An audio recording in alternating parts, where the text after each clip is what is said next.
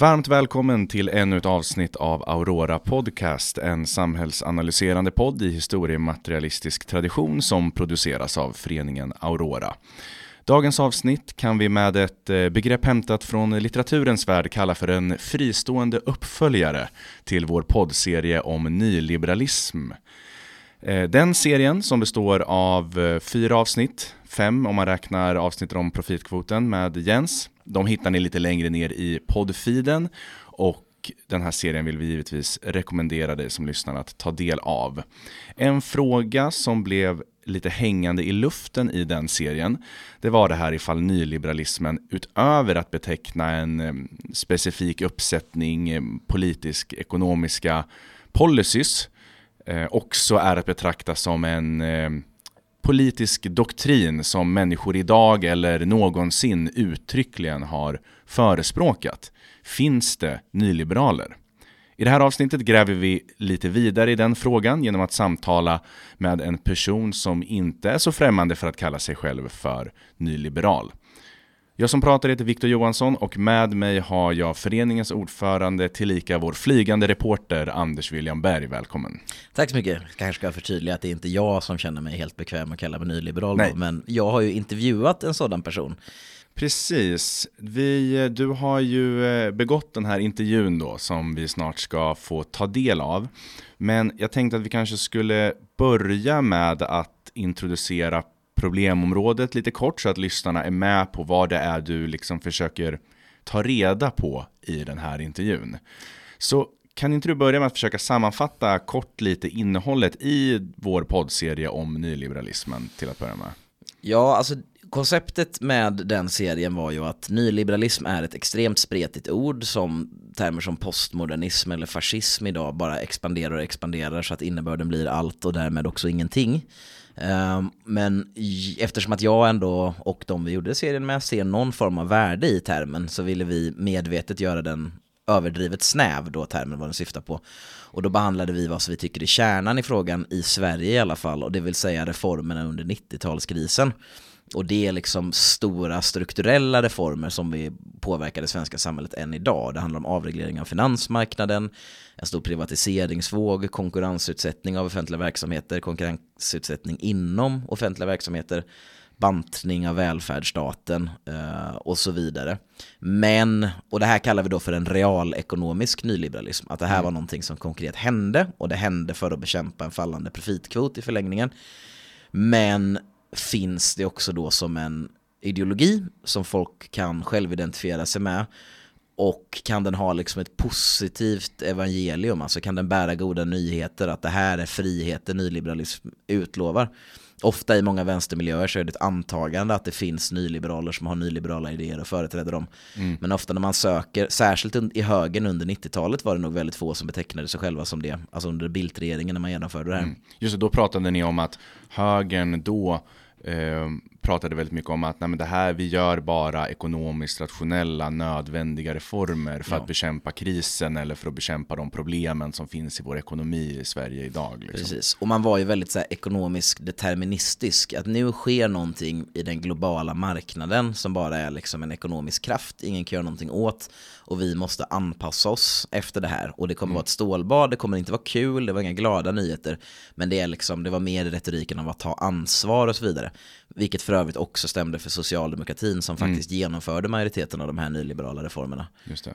Men vänstern behandlar det som att det här var en liksom ideologisk offensiv, väldigt medvetet drivet enligt en politisk doktrin som säger att si och så är det goda samhället, liksom, eller sättet att... Precis, för mot den här ekonomiska determinismen då så ställer vi då någon form av politisk voluntarism, att det var en politisk vilja som drev igenom det här. Och dels att man kanske kunde kritisera det så på den tiden, men mer intressant att man pratar om det så mer och mer idag. Mm. Att snacket om nyliberalismen har inte riktigt minskat. Och man har också utropat dess död lite så här vart femte år, men kommer alltid tillbaka om att prata om det. Mm. Magdalena Andersson utropade ju dess död 2019 där tror jag. Uh, att man... Nej, 2020 i samband med nej, 2020 eh, pandemin va? Ja, precis. Så att det här var att nu är statliga investeringar tillbaka eller någonting mm. och sådär, så därför finns inte nyliberalism längre. Uh, men att nyliberalism är alltid kvar som en tacksam retorisk figur eh, om att det finns en politisk vilja och ja, som man älskar att citera Palme eftersom att politik är att vilja Mm. så kan man en motvilja, vilket är lustigt med tanke på att det är ju Palmes parti då som ville det här då i sådana Just fall. Det var de som genomförde det här. Och då är det intressanta, finns det här mellan, mellan de här tankefigurerna, finns det några, finns nyliberaler som personer Just på det. riktigt? Finns det agenter? Ja, liksom? precis. Eh, och vem är det då du har samtalat med och varför vill du träffa honom?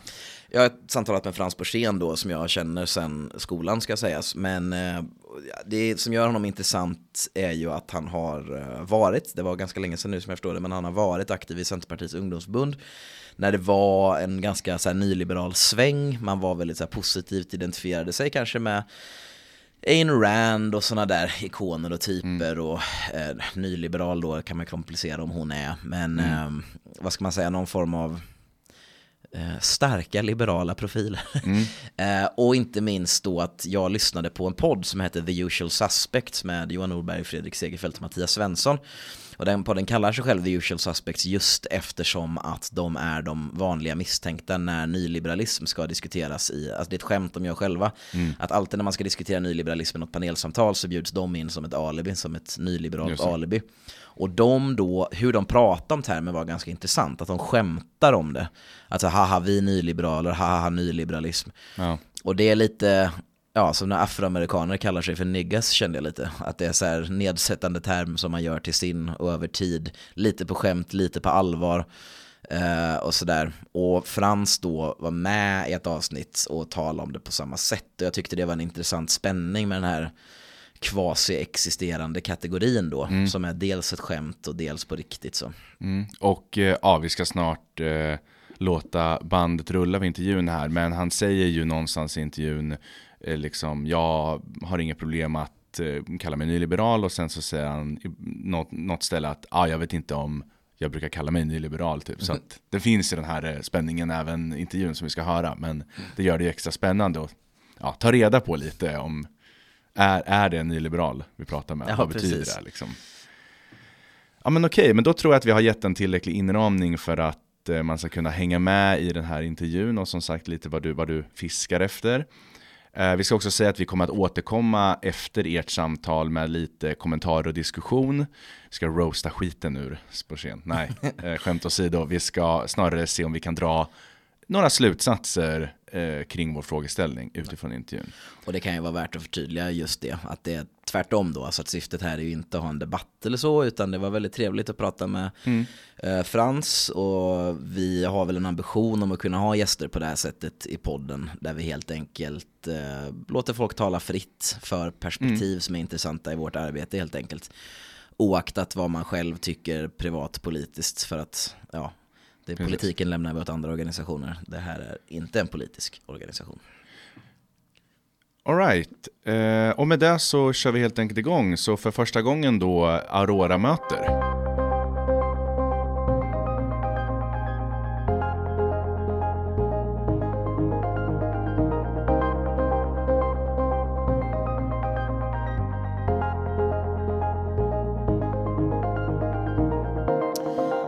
Välkomna till podcasten Aurora, en samhällsanalyserande podd i historiematerialistisk tradition som ges ut av föreningen Aurora. Dagens avsnitt kommer fortsätta lite på vårt nyliberalismtema i den serie vi drev för ett tag sedan, eh, där vi diskuterade väldigt begränsat nyliberalism som ett sätt ekonomiska policies, där vi idag istället vill diskutera det som en ideologisk självbeteckning och dess relevans idag och då. Och för att få hjälp med det här har jag med mig Frans Sporsén. Välkommen Frans. Tack så mycket. Du kanske kan berätta lite om dig själv? Ja, ehm, ja, vad ska man börja? Vi har känt varandra i 20 år kanske. Mm, det skulle jag tro är rimligt, sen högstadiet i alla fall.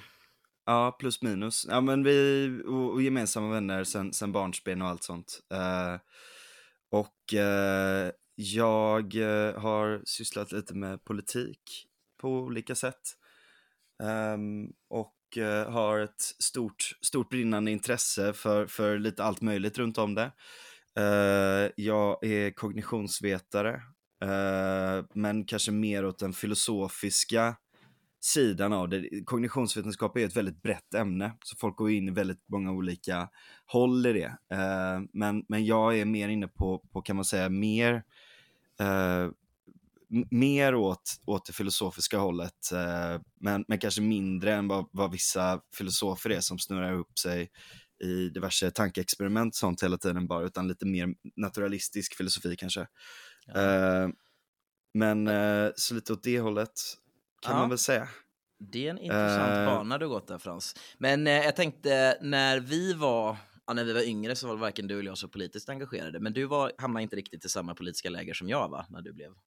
Nej, alltså jag hade väl någon period där, alltså när jag upptäckte politik så var det väl kanske någon form av anarkism liksom. Alltså man är, jag var lite, lite så här barn av internet där man eh, kom in i, i olika internetdiskurser ganska tidigt. Jag är ju född några år tidigare än dig. Eh, eller senare menar jag. Um, och um, och sådär, då, då, då, var det väl lite så anarkism och det var lite konspirationsteorier kanske också. Uh, och lite, lite, allt möjligt sånt. Och så var man rätt skeptisk generellt sett mot den här staten och vad fan den höll på med och, och sådär. Uh, av, också av andra anledningar kanske.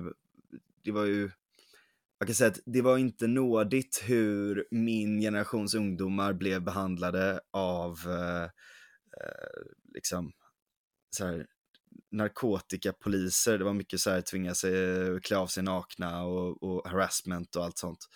Ja. Uh, och det eldade väl på någonting, man fick en misstro så här, om de är så dumma i huvudet och så brutala, då är väl hela staten det liksom. Men någonstans där ändå så hittade jag ändå, jag började prata en del med ganska mycket olika, jag har alltid, alltid rört mig bland väldigt mycket olika sorters människor eh, Eh, med olika åsikter och, och olika liv. Eh, och, och eh, även då eh, med, med, en del liberaler som, som började tipsa om lite böcker och sånt där. Sen så började man fatta att så här, okay, men det kanske är rimligt i viss mån med, med vissa saker som staten gör och, och allt sånt där också. Så att nästan lite sådär bryta ner allting för att kunna bygga upp det sen igen. Um, som är en, en klassisk, eh, klassisk filosofisk process som kan vara ganska nyttig ibland. Um, Men man kan säga och, att du ändå tryggt landar i en liberal tradition där. Ja, alltså det är väl det mjäkigaste man kan, eller minst radikala man kan göra på ett sätt. Alltså, sådär. Men, men för mig så var det ganska radikalt i, förhållande till, till andra. Man, man växte upp lite sådär i kulturkretsar och och, och gick musik och Hvitfeldtska och allt möjligt och allt sånt där och hängde med folk på Schillerska så att man var inte, man gjorde det ju inte för att passa in direkt liksom. Mm. Um, men det var inte heller för att, för att inte passa in heller liksom, även om jag tenderar att vara lite konträr och trollig ibland sådär, så, så var det nog kanske, det, det, är ju liksom också kanske för att jag har lite humor, men, uh, men uh, det, det var nog snarare att man, man sökt, alltså att jag, jag, jag fann någonting jag fann en struktur och ett tankesätt och en empiri i liberalismen som kändes vettig. Men jag, jag, tänker att det finns två spår kvar här innan vi går vidare till syftet med avsnittet då, vilket är att diskutera begreppet nyliberalism idag, vilken relevans ja. det kan ha. Uh, och vi kanske kan börja då ändå hålla oss i det rent ideologiska, särskilt utifrån du, du la upp en liten eh, trefältare där, den modellen. Och nyliberalism då, om begreppet har någon eh, relevant betydelse överhuvudtaget, hur hade du förhållit dig till det? Alltså vad, vad tycker du att det rent konkret betyder? Vad lägger du för bemärkelse i det? Eller betydelse ja, i det? Och hur hade du jag skulle nog säga att det, modell? Det, där, kom, där, där kan man ju som sagt vara, alltså det finns ju väldigt många olika tolkningar som du nämner. Eller, eller även om du nämnde det off, uh, alltså innan vi började spela in här, men det finns ju väldigt många olika former av nyliberalism. Så här, kärt, kärt barn har många namn. Eh, och eh, det, det beror väl på lite vad man lägger in i ordet, eh, skulle jag säga. Ehm, idag skulle jag väl säga att nyliberalism på sätt och vis är en, en, en ganska alltså, jag ser det som, som en ganska pragmatisk rörelse. De som oironiskt kallar sig själv nyliberala eh, eller, eller sådär är ganska pragmatiska i det att, att någon form av grund, grundtrygghet bara inte med förhoppningen om att det kommer att, eh, att, att, att, liksom, att det är en perfekt modell där alla kommer nå sin fulla potential eller något sånt där. För man tror inte att det,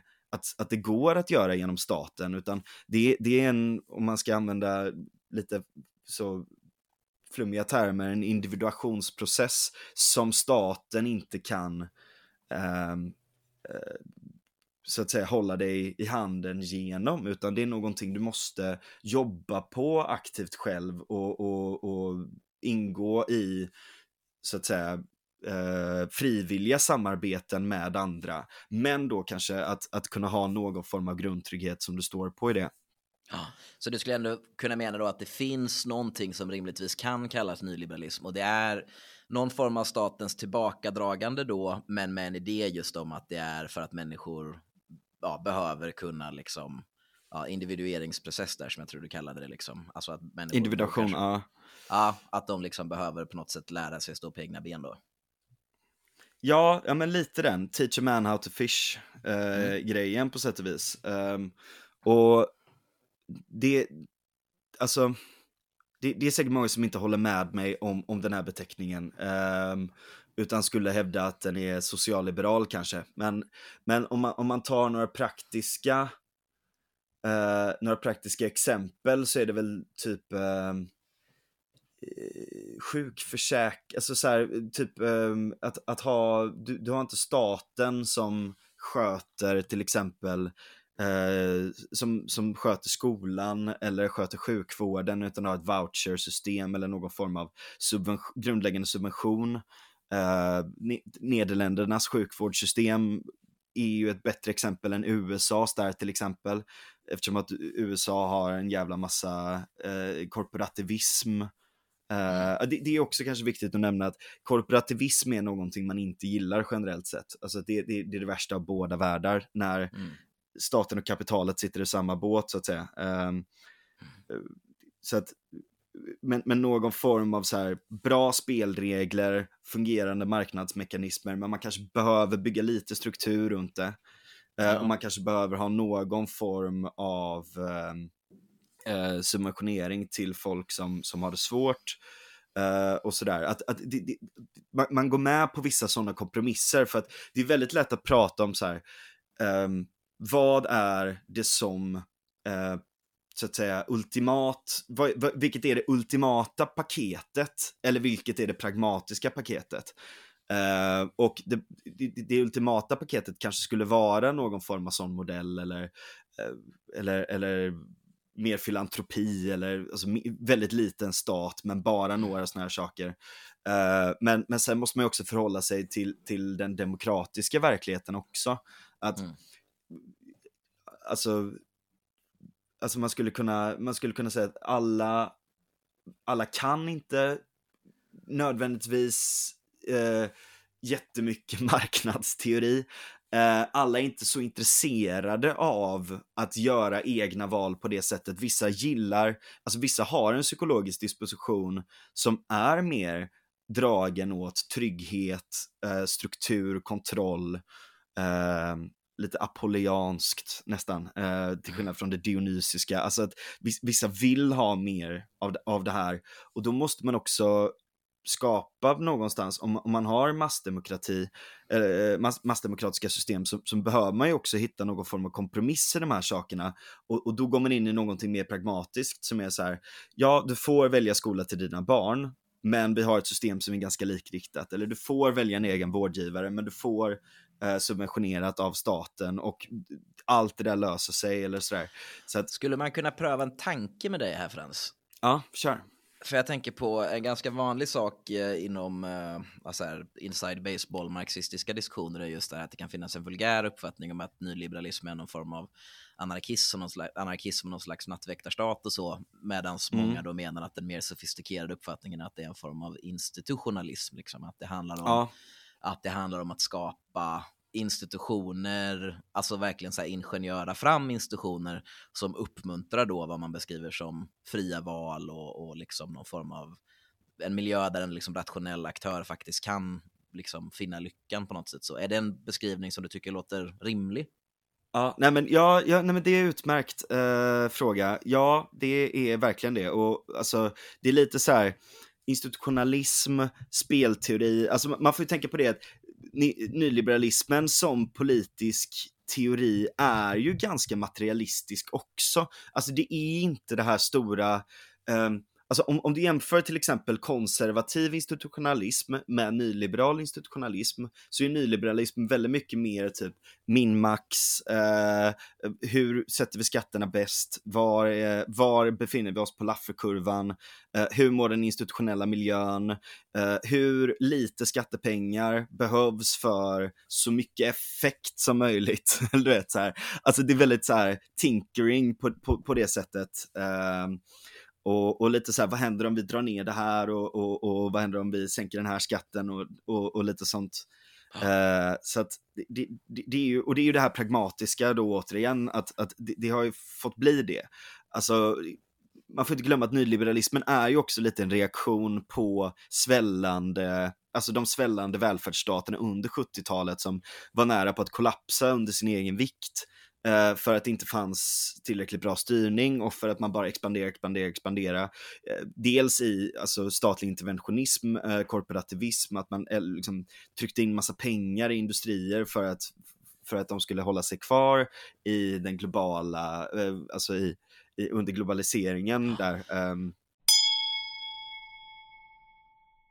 Detta är ett reklammeddelande.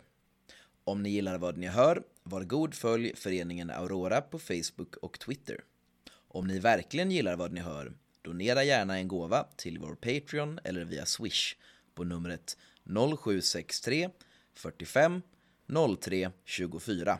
Alltså 0763 45 03 24. Tack, slut på reklammeddelande. Men bara för att förtydliga det sista Frans, eh, din politiska bana, du har varit aktiv i sfären kring Centerpartiet, eller hur? Ja. Precis. För jag kommer ihåg Men det var länge sedan. Det var länge, länge sedan. Eh, men det var ju... Det, det var ju under den här nyliberala perioden. Precis, det, man kallade ju, man talade ju en del om Stureplanscentern, men du har nästan varit generationen efter det va? Ja, precis. Post Stureplanscentern. Ja, precis. Nej, för vi, du har en bra brygga här nu då, för att anledningen till att jag kommer att tänka på just dig, alltså dels är det för att jag känner dig och sådär, men, men sen var det att jag lyssnade på den här då The Usual Suspect, som är en podd med de här profilerna, Johan Norberg, vad heter han, Fredrik Segerfeldt, Mattias Svensson. Mm. Och de kallar ju mm. sig The Usual Suspects just för att de är så det är alltid de namnen som dras fram när det ska vara typ ett liberalt alibi.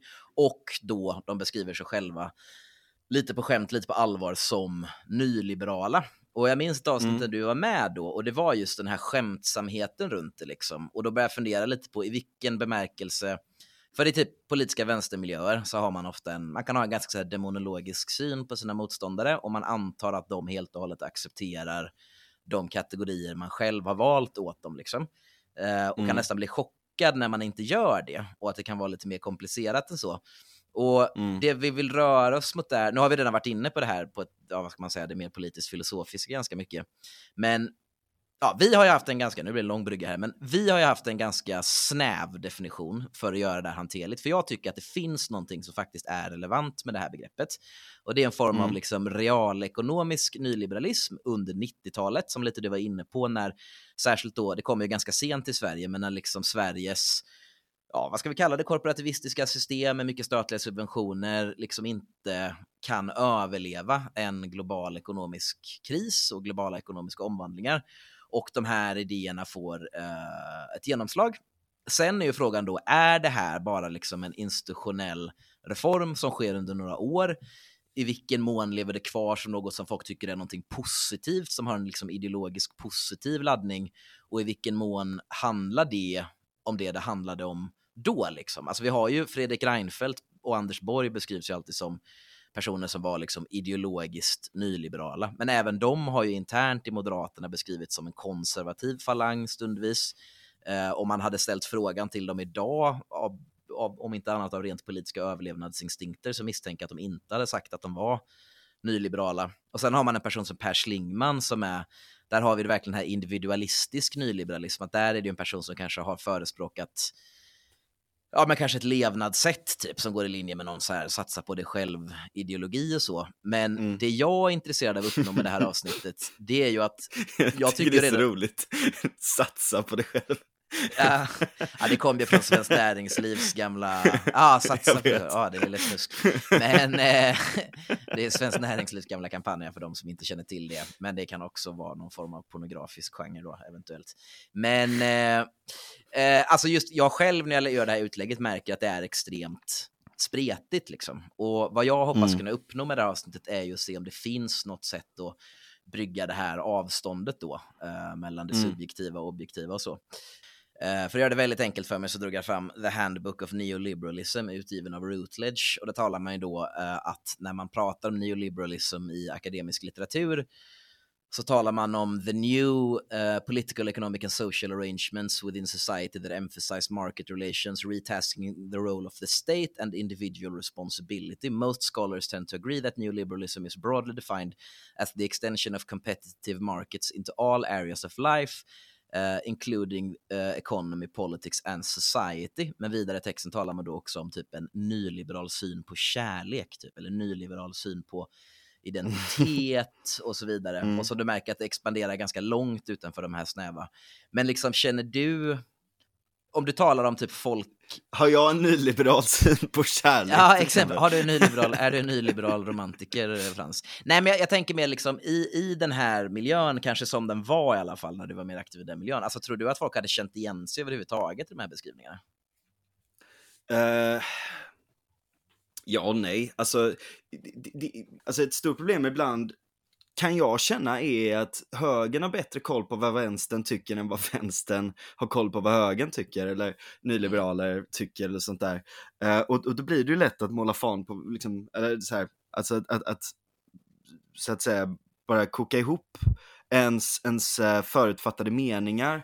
ehm, och, och applicera det lite överallt och allt sånt där. Och jag skulle säga att ett väldigt stort problem med det, eh, Eh, ett, ett, ett grundantagande, ett a priori nästan, eh, som, som, som är, helt enkelt att man utgår från ett väldigt så här top-down-tänk. Eh, att det, det självklara är typ, alltså utgångsläget är att det existerar en stat som bestämmer allting på ett perfekt sätt. Och sen så kommer någon och vill göra kaos av det systemet. Som att vara så, alltså det är nästan lite religiöst om du förstår vad jag menar. Att Mm. Gud har strukturerat universum på ett sätt och sen så finns det folk som vill rucka på den ordningen. Eh, för att den här ordningen, vi har inte riktigt hittat den än, men det här är ju den exakt perfekta ordningen som utgår från någon form av perfekt system som, som bara finns där om vi bara hittar det. Ehm, medan nyliberalism är väldigt mycket mer eh, bottom-up. Och jag skulle nog säga att väldigt många, när, när de håller på och applicerar så här, och det här är nyliberalt sätt att se på kärlek eller nyliberalt sätt att se på det ena eller det andra det tredje, det är att jag skulle nog ändå våga hävda att människor beter sig ganska marknadsmässigt mot varandra och hierarkiskt mot varandra och, och, och det ena och det andra. Man, man har ett sexuellt marknadsvärde i en viss mån, även om det låter väldigt, väldigt osexigt att säga det på det sättet. Jag, jag tror inte att de flesta som eh, jag tror inte att de flesta skulle identifiera sig med det av just den anledningen att det låter så osexigt. Eh, men, men jag tänker att jag kan, jag, jag kan liksom vaska lite där.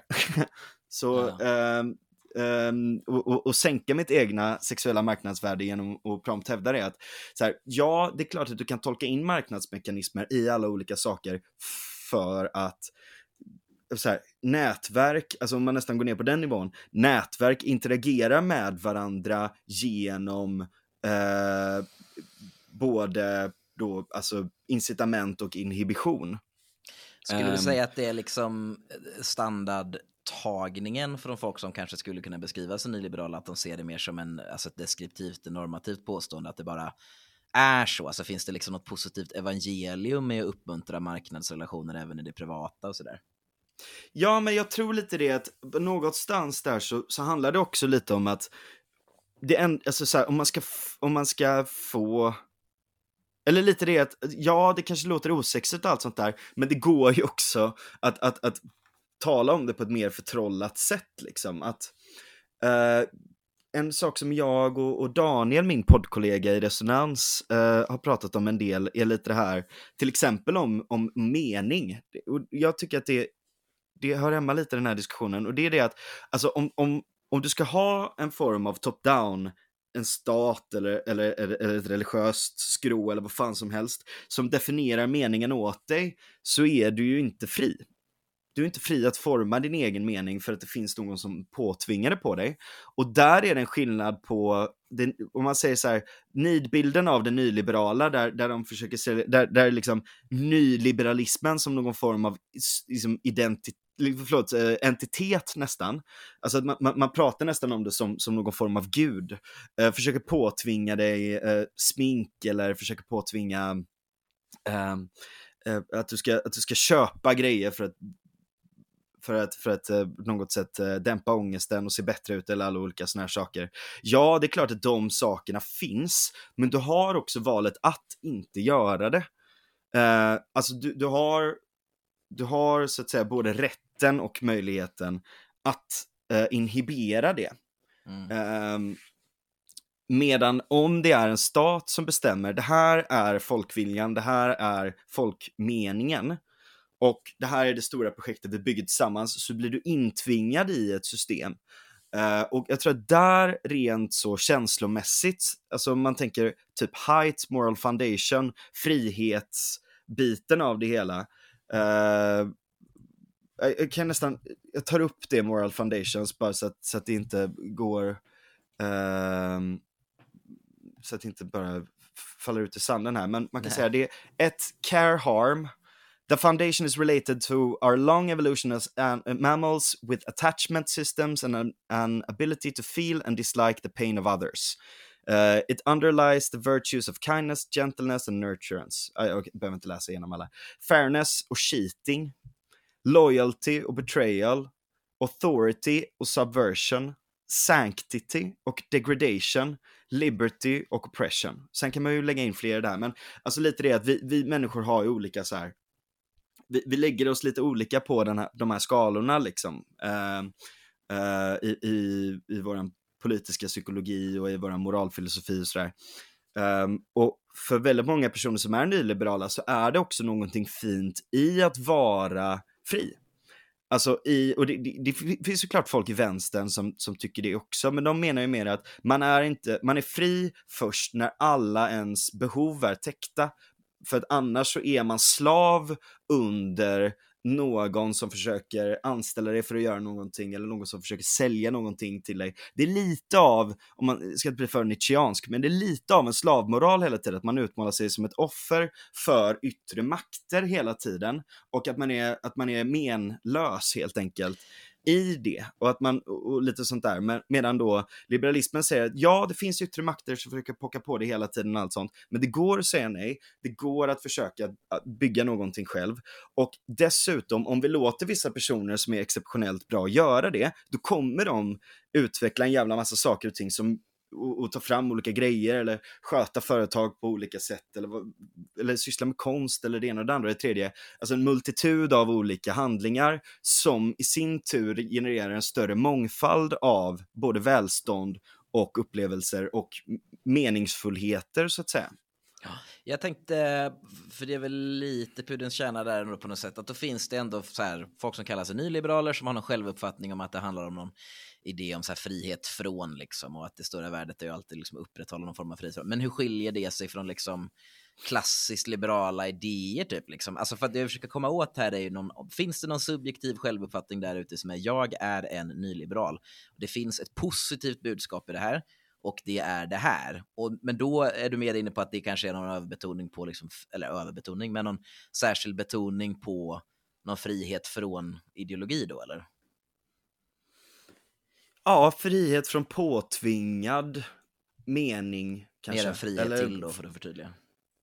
Ja, frihet, ja precis. Frihet från påtvingning, frihet till att forma sitt eget, eller forma, där är också en, en, en nidbild eh, mot individualismen är ju att, att, eh, att det skulle handla om att, eh, någon form av eh, ensamvargs ideologi eller egoistisk ideologi, men det är inte riktigt det det handlar om, utan det är snarare det att alltså, du kan vara fri i att forma eh, frivilliga kollektiv med andra personer också. Mm. Alltså ett företag är ju att företa sig att lösa en viss uppgift tillsammans med andra personer. Um, och, um, och jag menar så här, till exempel då kapitalism är ju också lite det här capito uh, som är huvud, alltså du, uh, du är inte under någon annans gunst utan du har egna pengar, du är solid i dig själv, du är därför fri, du är inte en slav under någon annan. Um, och, och om, om man ser... Så här, vad som händer om man inte har capita då? Nej men det är ju det som, som är kanske då problemet, men om vi ser i dagens läge, alltså välståndet, och det, det är så att säga, ja, det, det, är ju såklart, eh, det är orättvist för att vissa personer hamnar där snabbare än andra såklart. Men jag menar, om, om man tänker sig det välståndsmaskineriet som har skapats av det här sättet att se på saker och ting, att låta folk skapa välstånd. McCloskey kallar det eh, trade tested eh, betterment typ, eller något sånt. Eh, alltså just det här att genom att testa olika saker, genom att handla med varandra på olika sätt, genom att om det är någon person som eh, helt plötsligt sitter på, på en massa värdefulla saker som ingen annan behöver, eh, så kan en person bli rik på det, men sen kommer det i nästa sekund då någon annan som kan dra ner det priset så att det blir mer spritt. Det är inte perfekt från början, men över tid så, så ökar det välstånd. Och det är inte rättvist, men det är bättre långsiktigt helt enkelt då. Uh, och, och om, om vi ser till exempel en, en knegare idag känner ju bättre, alltså om, om säg att du jobbar i, i, i Kiruna som gruvarbetare, det är ett jävligt knegigt jobb. Uh, och, och, det är hårt och du får åka ut uh, långt och allt sånt där. Men de känner för fan bättre än någon som har gått på universitetet. I vissa fall. Uh, framförallt om du räknar med, liksom förlorar förlorad tid av att inte jobba och ta ut lån istället och så vidare. Och så vidare. Så att, um... Nej, precis. Men, eh, nej, men då har vi väl liksom fångat någon form av eh, bred uppfattning och så det. Och jag tänkte, där hoppar vi lite fram och tillbaka i frågorna, men jag tänker just på det här med hur utspritt det är liksom med människor som, för vi har ju sett typ Moderaterna byter till en mörkblå eh, logga. Eh, det har funnits liksom ett uppsving för någon form av konservatism som även den är ganska vagt definierad vad den ska konservera och så vidare och så där. Men det, det är ju någonting som rör sig i alla fall i liksom så här Konserverad själv... gröt. Ja, jo, det skulle vara det då. Men eh, alltså en sak som jag läste faktiskt på Timbro, en ganska intressant artikel bara med genomgången av mm. nyliberalismbegreppet. Och när det först började dyka upp i liksom bred debatt det är valrörelsen 85 eh, lyfter man då. Alltså när det går in i, mm. det har ju funnits innan i liksom typ akademisk diskussion och sådär. Men när det får ett genomslag i politiken och det är när Palme då i en valdebatt säger anklagar Ulf Adelsson eh, för att de vill bygga ett samhälle då, citat, som bygger på nyliberalism, som blir ödsligt och kallt att leva i, där blir människorna varandras fiender, där tvingas individen att köpa sin trygghet på bekostnad av andras, där nyliberalismen prövats, i dessa samhällen har moralen brutits ner, och så vidare och så vidare. För det första är det intressant att Palme här åberopar någon form av social konservatism då, att så här, moralen har mm. brutits ner, det låter ju nästan som att en kristdemokrat hade kunnat säga det här. Men ja. sen då att Ulf Adelssons svar är betydligt mer så här teknokratiskt, att han säger eh, Adelsson får frågan om Palme har rätt och svarar nekande. Folkpartiet anslöt ju sig till en mark eh, markerad borgerlig politik vad gäller bland annat radio, tv, löntagarfonder och avskaffande av monopol. Eh, förr kämpade vi ensamma och nu har vi två partier mellan 35 och 40 procent av väljarkåren. Adelsson ger ju nästan ett så autistiskt svar här, där alltså mm att eh, Palme försöker åberopa känslor, värme, sammanhållning och han svarar liksom tekniska eller teknokratiska reformer liksom vad gäller tv, löntagarfonder, eh, radio och sådär. Det är väldigt mycket att de så pratar förbi varandra, så liksom ju mer saker förändras, the more they stay the same, att liksom ingen kan komma överens över vad som menas här. Men här är det ju egentligen då vänstern, kan man ju ändå rättvist säga, alltså socialdemokratin, som inför begreppet. Uh, under hela 90-talskrisen så är det väl inte så många som går runt och pratar att de är nyliberaler och vill ha nyliberalism. Alltså den här mm. uh, Lindbäckskommissionen och utredningen är ju också bara så här, det här är saker vi måste göra för att överleva. Ja, men det är kansli, uh, kanslisossar liksom. Ja, precis. Men det är ju först efter, och det är inte Carl Bildt, det är inte heller någon så ideologisk nyliberal. Det är ju ganska långt, alltså sent i Sverige som det är. Alltså med Reinfeldt kan man väl tala om rörelser med människor som lyfter upp det här som något positivt och man börjar tala om så här frihetsreformer och, och det blir liksom mer, men typ, mm. eh, ja, jag vet inte, det var mer en påstående än en fråga. Men eh, alltså, känner du liksom att, vad ska vi säga, när tycker du typ att relevansen inom svensk höger för det här begreppet uppstår? När det är någonting folk börjar förhålla sig till som en eventuell alltså, faktion inom svensk höger? Ja, jag skulle gissa att det, det kanske är runt, när släpps nyliberalen som, uh, ska vi se, jag håller på att googla samtidigt här. Nyliberalen är en oberoende debatttidskrift som utges bla bla bla. bla. Den grundades maj, 9 maj 1982. Det är ju uh, tidigt i och för sig. Men...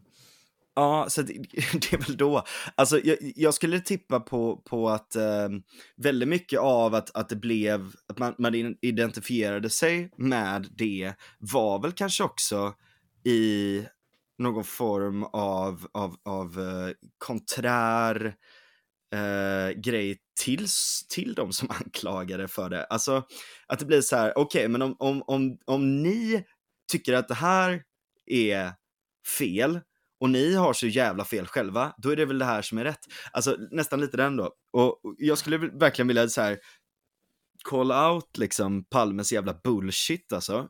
Sveriges mest överskattade person. Men, men alltså, jag menar, snacka om så här, kallt och nedbrutet samhälle. Alltså har han varit i ett miljonprogram? Han har ju varit i Amerika och i Indien, vet jag. Men har han varit liksom i de här fruktansvärda ABC-städerna de byggde upp? Det, det, det, man kan ju inte direkt säga att det känns, att man får en varm känsla där. Uh, och, och, jag menar, hur jävla varm och hur, hur liksom, det här med att man skulle ha två, man skulle, man skulle ha en tv-kanal och en radiokanal, sen blir det några fler då, men man, och, man skulle förbjuda piratradio. Sverige har ju haft en politisk fånge, uh, hon uh, piratdrottningen där, uh, kommer inte ihåg vad hon heter, som, som sände piratradio och som blev, tror jag, av Palme faktiskt, tillfångatagen som politisk fånge. Alltså, det är så här, det är nästan lite newspeak, det är gas, gaslighting. Aha. Vad sa du? Nej, det är lite kul att det låter som att Palme dyker upp med någon så här hackebös typ och bara arresterar henne i en öppning så. Men, eh, nej, men jag förstår hur du menar. Så att, och, och det, jag tror att det är väl lite det som man reagerar på, så är det, alltså under den här perioden antar jag då också väldigt mycket snack om ny, löntagarfonderna och alla sådana här saker också. Alltså att, um, så att ja, jag skulle väl gissa på, vi får nästan frå, fråga de som var med, uh, nu känner jag ju dem, ett par där ganska väl, men Um, det, det, det, är så här, någonstans så, så är det ju ändå uh, där tror jag som, som, som det på något sätt väcks som en rörelse och den, den är i affekt mot någonting i, på väldigt många sätt för att ursprungs, alltså Sverige var ju lite av en enpartistat mm. under sossarna. Så det ja. blev ju en rebellrörelse mot det. Men det var lite intressant här att du rättade mig i realtid då just med den här tidningen Nyliberal. Jag ser här att den är kopplad till Frihetsfronten och det är Norberg och det där gänget och så. Uh, ja. Att den, det är ändå så tidigt de här idéerna börjar dyka upp typ. Men uh, alltså från högerhåll och inte bara som ett skällsord då från, från vänstern. Men när skulle du mm. säga att det liksom realistiskt börjar aspirera på så här statsmakt liksom? Att det är någonting som att de här idéerna och personer som företräder det kan få inflytande i svensk borgerlighet liksom? För det kan väl inte vara så tidigt ja. som mitten av 80-talet eller? Nej, men det kanske är under, under idéprogrammet med, med, med Centern i viss mån. Sådär. Men, men samtidigt är det så är det också lite sådär, för där återigen då, äh, idéprogrammet när är det 2000... Äh, är så jävla men det är 00-tal i alla fall eller? Ja, det är, no, jo men det är det ju. Uh, jag är så jävla dålig på årtal, alltså jag ursäktar mig verkligen. Fördelen med poddar är att man kan klippa. 2013. Är så det. sent? Okej. Okay. Ja. Uh, ja, och då blev det väl lite mer så här, typ kosher sådär. Men, um, men jag menar även där, typ, då måste man också skilja från, alltså det är ju knappast libertarianism som, som eller anar anarkism som föreslås i, i de programmen. Ja. Um, så att det, om, om, om det är det man ska beteckna som nyliberalism så är det ju mer den här pragmatiska formen. Sänka mm. skatter där man kan sänka skatter, försöka få ut dynamiska effekter där det går och där det är politiskt möjligt. Alltså där, där det politiska hantverket funkar. Typ, ja men ta ROT och RUT-avdragen. Jag tycker på en principiell nivå att det är dåligt liksom. Men det är mm. någonting man kan förklara för folk. Om vi inte har det här så kommer det ske massa svartarbeten. Vi får plus i statskassan om vi sänker skatterna lite. Mm. Så principiellt är det fel liksom. För varför ska man sär, varför, varför ska man gynna ett särintresse på det sättet? Istället för att ha ett enhetligt skattesystem. Mm. Och där är det ju väldigt mycket bråk mellan då olika fraktioner inom högen väldigt mycket. Eh, sådär. Ska, man, ska man vara autistisk och, och, och rätt och korrekt och säga att ja, det här är svårt att förklara för folk, men det här är det bästa långsiktigt. Eller ska man försöka ta de chanserna man kan få. För att jag menar, väldigt, väldigt lätt att hela tiden bara gå med den här idén om utopin och om vi bara gjorde på exakt det här sättet, då skulle saker och ting funka. Men det funkar ju inte på det sättet heller, utan du måste ju ha konkreta förslag att kunna, du måste ha konkreta förslag att kunna komma dit och du måste kunna få med dig folk som tycker att jag fattar vad du menar med det här. Uh, dels fattar jag innehållet och dels så förstår jag poängen med varför vi ska göra så här och varför det kan vara bra. Men det kan, precis, men då kan det kontrasteras till sånt som finns i USA lite mer då, alltså libertarianism som kan närma sig någon form av anarkism då, liksom att det finns, eh, mm. alltså en tro till att man, att det överhuvudtaget är möjligt att bara vända staten ryggen direkt då, men att nyliberalism skulle vara någon så här statskritisk men typ statsaccepterande form av, uh, ja, typ mjukare ådra av uh, libertarianism, eller inte lika liksom, mer typ pragmatisk libertarianism typ. Eller är jag ute och cyklar? Ja, alltså libertarianism är ju lite mer så att man bara ska ha en nattväktarstat och där är det ju väldigt många av dem som som nämndes tidigare som, som är mer lagda åt det hållet. Uh, så att om, om, om, man, om, om man gör dem till representanter för det så är det ju det. Men däremot så har ju de också, de kan ju hålla flera tankar i huvudet samtidigt också. Jag vet ju att alla där uh, mer eller mindre kan vara ganska pragmatiska i det också. För att vad har man för val liksom? Ska man bara ge walkover, bara sitta och vara sådär, sitta i fluga och, och, och, tycka rätt utan att det aldrig händer någonting för att det kan stå liksom eh, folk och säga att så här, typ Timbro hatar fattiga eller Timbro vill att fattiga ska dö liksom. Alltså den retoriken som hela tiden slängs mot oss är så jävla löjlig liksom. Mm. Och då är det så här, ja okej, okay, men ska man anpassa sig till det eller ska man inte göra det? Uh, men det bästa sättet är att försöka vara pragmatisk och appellera till någon form av silent majority kanske. Ja. Det där måste jag säga är väldigt roligt när man är så outside looking in på hela den röran, de här jävla flugorna alltså. Att det är liksom, eh, jag vet inte vad som började men att det är liksom en sån här, Tucker Carlson hade ju på sig fluga och för lyssnarna då så, och jag kanske om jag har förstått det rätt då, men alltså det är någon klädkod för att vara libertarian då liksom och att man ska vara true och sådär. Men att det liksom är så himla Alltså jag vill inte, jag vill inte pissa på det helt så här, för jag, jag, känner ju instinktivt att det är extremt barnsligt och larvigt liksom och sådär. Men å andra sidan, det är ju någonting som förekommer i de flesta politiska kulturer typ, med liksom för att typ, liksom visa på någon så här faktionell tillhörighet typ liksom att man har. Det finns säkert någon vänstermotsvarighet jag inte kan komma på just nu. Palestina-sjal, mm. jag vet inte. Mm. Men... Ähm... SSRI. SSRI. Är det här någon Antidepp. Nej, ja, ja, ja, ja. Runt och vifta runt. Nej, det, det är ju inte helt ute och cyklar. Det finns nog sanning i det. Men, eh, men jag tänkte på, men åter till det här historiska då, för att det är lite intressant då att dina tankar går först till 82 och sen till 2013. För i vår serie, vi talar mycket om det här att Typ, alltså vi, vi menar väl att det finns, eller vi, men min tolkning av vår diskussion var i alla fall så att det är ett, liksom ett missförstånd att tro att det, liksom, ja, det finns någonting som heter nyliberalism i policybemärkelse, men det är ett misstag att tro att det är högern som genomför det här, utan det är socialdemokratin som genomför det här. Och det är... Det är de något... som alltid genomför de största. Ja, och det är också innan de ens gör det så är det roligt. de som... Ja. Innan de ens gör det då så hör vi Palme här varnar för vad som händer om högern får makten och så är det sossarna som gör det liksom och sådär. Och det är ju så här, ja. det är peak Sverige liksom. De är Men... mästare på dubbelprat alltså. Jo, jo, verkligen. Men, eh, men även högern under den här tiden är ju inte, Carl Bildt har ju inte ett positivt, alltså han är ju bara så här, mm, vi måste hålla oss konkurrenskraftiga och det kommer vara ett stålbad och folk måste stå ut med. Men min uppfattning är att de första som, de säger ju inte orden nyliberalism liksom, men de första som Eh, alltså avreglering av finansmarknad, typ en krympning av välfärdsstaten, eh, privatiseringar, konkurrensutsättning för eh, offentliga verksamheter och konkurrensutsättning inom offentliga verksamheter och så vidare. och så vidare. Någon form av så konkret policymärkelse. De första som lyfter det här som typ positivt och som ett frihetsbudskap. Jag skulle väl säga, vilket kan vara helt felinformerat, men att de, de första gångerna det har liksom någon relevant makt är väl under Reinfeldt och tiden som leder upp till Reinfeldt. Men liksom, ja. det, låter det absurt typ att, man skulle, att han skulle vara nyliberal? Typ, eller? Ja men alltså så här, ja, på ett pragmatiskt sätt ja, är han det. Tror du han um, själv då eller nu eller innan eller efter, alltså inte, jag antar att du inte känner Reinfeldt personligen, men liksom vibben, är det liksom en person eller en svär som hade liksom känt igen sig vid det blev kallade nyliberaler? Nej men jag tror att, alltså lite där,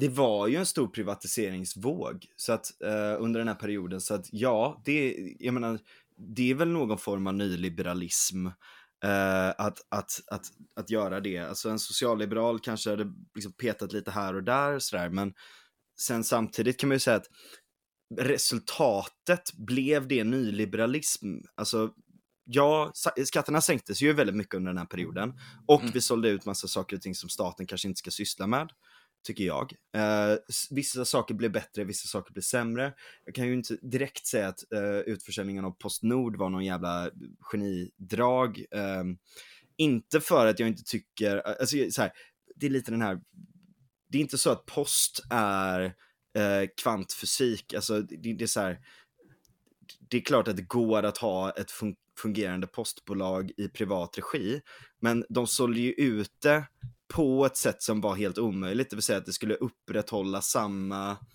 service, att kunna leverera paket samma dag överallt hit och dit och, och sånt där. Samtidigt som de hade vissa sorters vinstkrav på sig och sånt också. Så att det var ju, där kanske man inte tog hänsyn då till, till trade-offs som vi pratade om där innan, att det finns intressekonflikter. Eh, eller att det blir dyrare eh, kanske också, men tidigare lite den här, Bastia pratar väldigt mycket om det, um, en fransk uh, tänkare som är så här klassiskt liberal. Så här lite vad man ser. citerar. Precis, som, som jag öppet citerar nu. Ja. Um, och där är, där kan man säga att det, det, är lite där vad man ser och vad man inte ser. Typ, um, ta, jag vet ett väldigt bra exempel, uh, som jag hamnade i jag hamnade i, i, konflikt med en kollega på, på mitt nuvarande jobb med det här. Och hon tyckte jag var dum i huvudet, men jag fick rätt. och det, det, var de här cyklarna i Stockholm. Uh, mm. Så Stockholm har ju lagt, uh, ska vi se, alltså det, det, det, är hur mycket pengar som helst. Ska vi se, uh, Stockholm cyklar upphandling. Alltså det, det är mycket, mycket pengar här. Men det är sådana här kommunalt ägda cyklar som vi även har här. Ja, det är kommunalt ägda cyklar. Ni, ni hör ju, eller just det, det är ju inte en nyliberal eh, circle jerk här då. Men då har, då har de lagt alltså närmare två miljarder kronor. och, och så har det varit fyra år av upphandlingsstrul. Och så är det då så här, de här cyklarna, det ska kosta så här, typ 300 kronor per år Uh, att, uh, eller nej, här till och med. 10 kronor för ett dygn till 149 kronor för ett år. Fantastiskt, tänker folk. Det är det här, det är det här som staten, när, när staten är som bäst. Ett sätt att kunna röra sig för en billig peng, tänker folk då. Problemet är ju då att uh, de här cyklarna funkar inte. Nej. Och man har lagt två miljarder på det och eh, det har tagit hur lång tid som helst. Dessutom så har ju folk då, eh, så, så, har det då stört ut marknaden från alternativ som redan fanns.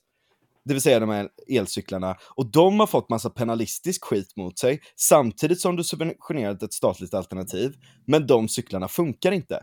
Och det man ser och det man inte ser här, det man ser är att, åh vad billigt, det kostar bara 10 kronor eh, för, ett, för ett dygn eh, att, att hyra den här cykeln. Men du betalar ju också med dina skattepengar till det här. Dessutom. Och dessutom så, så får du en sämre marknad som gör att andra produkter som försöker konkurrera på marknaden blir dyrare också. För att de kan inte konkurrera med en så subventionerad, um, en, en sån subventionerad aktör. Ja. Um, och det, det, det, är liksom, det här går att applicera på väldigt många olika saker. Väldigt mycket handlar i slutändan om incitament. Mm. Uh, det kommunala eh, upphandlingssystemet är extremt dåligt och det, det är bara en massa jävla eh, folk som, som, som utnyttjar det på ett sätt eller annat. Jag förstår faktiskt inte riktigt där, alltså just, just vänstern, att man, man är så fruktansvärt besatt kring vinster i välfärden när vi har alltså hiskeligt stora pengar som går in i offentliga upphandlingar hela tiden, som alltid blir dyrare och som alltid går åt helvete. När de för fan lyckats gräva upp ett, ett, ett hål till, till Belsebub liksom i Hagaparken i Göteborg. Uh, det var ju inte så jävla bra. Uh, och nu, nu ligger det där som någon jävla Parks and Recreation avsnitt. Uh, och det är så här, ja, det är pengar som man inte ser för att det tas inte direkt från en, men det tas hela tiden från i skatt. Så här, varför ska staten tar mer än hälften av din inkomst och ger den till inkompetenta personer som slarvar bort det och bad actors som utnyttjar systemet. Jag fattar inte det. Det, det, det, det, det är liksom, om vi tar nyliberal ilska så är det där. Vi går igenom hela känslospektrat här. Jag vet inte, det var inte svar på din fråga tror jag. Nej, det, det, det började besvara min fråga så svävade det ut lite, men det var ja, men så, ja men just det, samtal. Reinfeldt, för att gå tillbaka till det då. Så ja, det som Reinfeldt gjorde väldigt mycket var ju så här, okej, okay, staten håller på med en miljard jävla olika saker och det kanske inte riktigt funkar. Vi kanske behöver fixa ett annat system runt det här som är mer incitamentstyrt, mer marknadsbaserat. Sen kan man kritisera att det blev pseudomarknader typ skolmarknaden och sådana saker. Ja, för det, var lite det, det finns, jag finns skälig var... kritik mot det. Ja. Jag kände att det var det vi lite var på väg mot, alltså att vi talar här då om att det blev någon sån här mutantform då, liksom att det finns uh... Alltså är det liksom för att man lever i en sån genomsyrad sossestat då och så har man de här idéerna som liksom når halva vägen fram, vilket på ett sätt gör det ännu värre typ då liksom, eller att det... Ibland så kan det bli så ja, verkligen. Jag, Ja. jag skulle nog säga att det, det, det, det värsta är om staten äger allting, så att det, det, är inte, det är inte det att det nödvändigtvis blir värre, men det blir, det blir inte så bra. Nej. Alltid. Och, och då, alltså som sagt, jag, jag tycker nästan att, att ett vouchersystem som, som man kör på i Holland, eller förlåt, i Nederländerna är, är nästan bättre där. Att så här, subventionera folk, subventionera inte verksamheter direkt tror jag. Ja. Vad, jag tänkte, Eh, och ha, ha på något sätt då öronmärkta pengar till vissa grejer. Så att det finns någon form av grund, Ja. liksom grundtrygghet i, i det helt enkelt. Det kändes som att vi kom fram till en ganska intressant historisk, historisk kategorisering då, att man kunde börja här vid 82 när de här nyliberala idéerna dyker upp ganska inflytelselösa, men ändå de börjar dyka upp inom politisk höger. Under 00-talet, de börjar aspirera på statsmakt, men det blir något mittemellan. Och sen 2013, där du ta, sa att det blev lite mer kosher då, alltså att det blev lite mer rumsrent med det här idéprogrammet. Eh, och så. Men jag tänker då, det är väl, och vi har kanske redan touchat lite på det, men just det här om man använder nyliberala samhällen då som eh, Palme talar om till exempel där då där allt blir kallt och så vidare. Nej, men skitsamma, men alltså nyliberalism som ett samhällstillstånd. Alltså skulle du mena att Sverige någonsin har varit typ ett nyliberalt Nej. samhälle i den bemärkelsen? Aldrig. Nej. Nej. Har det varit Alltså, närmare säga- eller längre ifrån? Ja, ja och nej, för att jag menar så här, på sätt och vis så är vi jätteliberala på vissa, bara för att pausa mig själv där, på sätt och vis så är Sverige jätteliberalt. Alltså det, det är så här, vi, vi har väldigt, eh, vi, vi har inte så reglerat näringsliv, vilket är, har varit väldigt gynnsamt för oss. Ehm, det, det är lätt att starta företag, det är lätt att driva företag, hade kunnat bli enklare, men till skillnad från väldigt många länder så är den processen väldigt, väldigt streamlinad och, och rakt på. Har du en bra idé så, så, så ska du inte bara komma in i en labyrint av byråkrati, utan då ska du kunna få göra det. Eh, har du tjänat jätte, jättemycket pengar så, så uh, kan du få ha de pengarna och investera dem i olika saker och ting utan att det finns en bara för att-skatt så att säga. Um, så att på, på det sättet så är ju Sverige väldigt liberalt och därmed då ganska extremt i, i vissa bemärkelser. Um, det, det, har ju, det gör ju att vi har, um, alltså jag menar, kombinationen av um, kombinationen av att vi har kanske 20-25% av befolkningen som har kommit under en kort tid och, eh, och inte har samma förkvalifikationer men, men, men, men möts av liksom eh, så här soc-kärringar som säger att uh, allting är möjligt, uh, carte blanche och, och sådär. Mm. Um, och, och, som fastnar i bidrag jämfört med att vi har en jävla massa miljardärer också, gör ju att vi har extrem Eh, koefficient och lite sådana här olika saker. Så att ja, på vissa sätt så är vi ju ett extremt land på, på det sättet, men om, om vi tänker dels framförallt då kanske skattemässigt, eh, men även arbets eh, lagstiftningsmässigt, där är vi ju knappast nyliberala på något sätt överhuvudtaget, utan det är, det är väldigt, väldigt centrerat runt mm. en ganska så här 1900-tals industrimodell av hur man kan hantera säkerhet för folk. Mm. Ja. Uh, och, och, där tycker jag Danmark är mycket bättre med sin flexicurity till exempel. Det ska vara enkelt att sparka någon, det ska och det gör att det är enkelt att få ett nytt jobb. Under tiden så får du lite hjälp. Um, och, och, det gör att folk vågar anställa i högre grad och sånt där också. Ja, och sen så kanske det inte ska vara så jävla dyrt att anställa folk sådär heller. Nej, ja, men det är en intressant uppdelning. Men uh, ja, nyliberalism som samhällstillstånd då. Men om vi återgår till det här subjektiva. Alltså, uh, om du tänker då att du dyker upp på ett, uh, ett politiskt möte och så säger du god mm. dag. Jag är, som en riktig autist så är det här det första du säger då. Men du säger god dag. Jag är en nyliberal. Jag tycker nyliberalism är bra. Jag vill ha mer nyliberalism. Jag företräder nyliberalism. Alltså var, tror du det finns någonstans i högen man hade varit mer och mindre välkommen med det? För jag upplever att om du hade sagt det här på ett MUF eller M-möte då, jag nämner ungdomsbunden för att de ofta är lite mer ideologiska, explicit liksom, att det skulle finnas lite mer mot, eh, alltså lite motstånd mot det idag. Och jag menar SUF, mm. har, eller C har vi beskrivit som studieplancentern och sådär.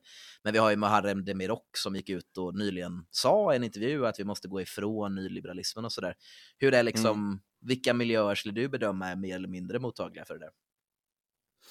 Uh, väldigt bra fråga. Um, först och främst kan jag säga att jag vet inte om jag definierar mig 100% som nyliberal heller, just för Nej. att det är ett oklart begrepp.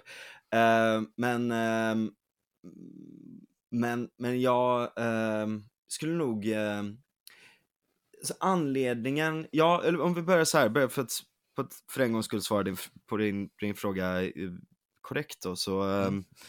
Ja, eh, det har absolut skett en, en, eh, en vändning hos eh, framförallt många moderater och kristdemokrater eh, och konservativa eh, överlag. Ehm, det har även skett en vändning hos eh, C och L i det där också för att det är väl lite den att man, man drar, eller liksom nyliberalerna drar alltid kortaste strået sådär, att eh, man beskylls samtidigt för att vara de som samarbetar med SD eh, och gör allting bara för pengars skull eller någon sån jävla bullshit. Eh, och samtidigt som man, man eh, då anklagas för att vara eh, eh, nära på att säga något OPK så här, men, men att, att vara liksom eh, eh väldigt, liksom överdrivet naiv och välins, vält inställd till all form av invandring. Men mm. jag skulle nog säga att så här, generellt sett, och det, det, är ju det som är det kanske största problemet i, i högen, om det är det du fiskar efter då, att man eh, väldigt mycket kritik ligger mot att man tog in väldigt mycket folk, men ett ny, alltså det är nyligen, jag, jag, jag skrev till exempel migrationspropositionen för CUF där 2016-17 eller något sånt där. Mm. Um, och höll på mycket med de frågorna där och jag har hållit på med den frågan i andra sammanhang och sånt där också. Uh, och man kan ju knappast säga att det nyliberala svaret har varit uh, att uh, ja, öppna, öppna upp bidragskistan för alla som kommer hit och ge dem inga incitament att komma i arbete. Eh, och, eh, och hoppas att det löser sig med skattefinansierade integrationsåtgärder av personer som annars hade kanske varit arbetslösa själva. Alltså, om, om, om du räknar ut Arbetsförmedlingen och, och andra sådana här insatser som, som görs så hade du fan kunnat ge alla människor alltså en, en medborgarlön för de pengarna. Det, det, det, det är inte så, så effektiva, det går inte att trolla med knäna helt enkelt. Um, och, så att, och, och kollar man på extratjänsterna och extrajobben och alla sådana här olika saker som har försökts också så, så har det inte lyckats. Alltså, och, och, det är väl lite där kritiken ligger i att man tycker att det har funnits en naivitet runt det. Men, mm. men nyliberalerna har ju under hela den här perioden varit ganska tydliga med att så här, det, det går inte att ha det går inte att tro att en person som kommer som inte har ens en, en likvärdig högstadieutbildning eh, kan, alltså, kan konkurrera om 20 000 i ingångslön eh, eller sådär. Så att då får man välja. Antingen så, så, så har man en invandring där, man, där folk får ta steget in på ganska lågbetalda yrken och jobba sig uppåt från det och komma in i någon form av eh, integrationsprocess av att lära sig språket på jobbet och komma in i grejer, bla bla bla. bla.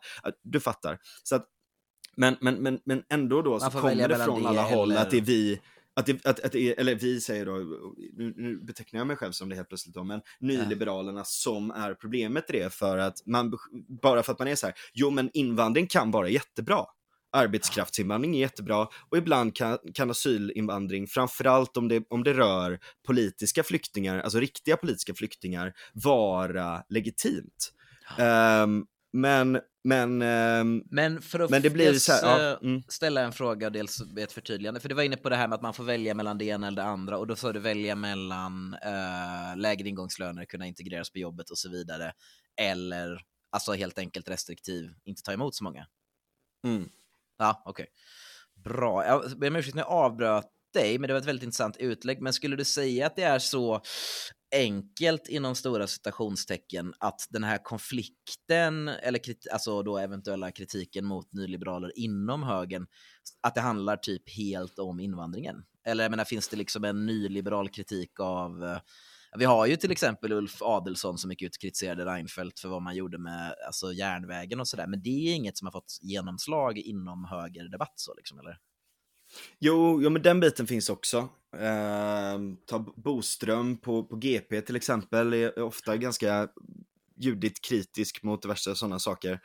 Eh, och, ehm, och så, så att eh, och, och, och, det är väl att, att, att det finns en uppfattad naivitet runt, alltså dels invandringsfrågan då att, att man är naiv för att man tror att det är så enkelt att man kan att, att, att det inte handlar om volym också och att det påverkar stadsbilden och eh, att, att, att det kanske är någonting som folk generellt sett tycker är lite jobbigt när det kommer för många som inte är på så att säga någon form av isotymisk likvärdig nivå sådär liksom. Um, och, och att det blir problem av det sådär och, och social unrest och allt möjligt. Um, och och i, i, frågan om de här andra sakerna så är det väl också lite den här naiviteten att man tycker att så här, oj oj oj, nu är det väldigt mycket gaspedal här. Uh, och allting ska ut och det ska ut så snabbt som möjligt och jag menar så här, många, utf många utförsäljningar gjordes ju på ett jävligt tveksamt sätt alltså. Alltså man mm. sålde saker och ting väldigt, väldigt billigt men egentligen bara någon form av muntlig överenskommelse om att det skulle gå till rätt saker eller du vet så här, massa olika sådana här saker. Där hade det ju, men, men, men där är också det att så här, är det nyliberalt att sälja saker och ting under sitt marknadsvärde? Mm. Alltså, fattar du vad jag menar? Alltså, det, det, jag skulle inte säga att det är nyliberalernas fel, utan snarare så är det väl lite den här att, att, att det är lite för nära mellan näringslivet och, och politiken på många sätt. Och det är ju snarare nyliberal kritik. Ja, ja precis. Att ank, det... ankdammen är farlig. Ja, det är en ganska intressant poäng. Men jag Nej, på... Om du har en väldigt, väldigt stor stat och en ankdamm så, så blir det väldigt, väldigt mycket pengar som kan gå till bad actors liksom.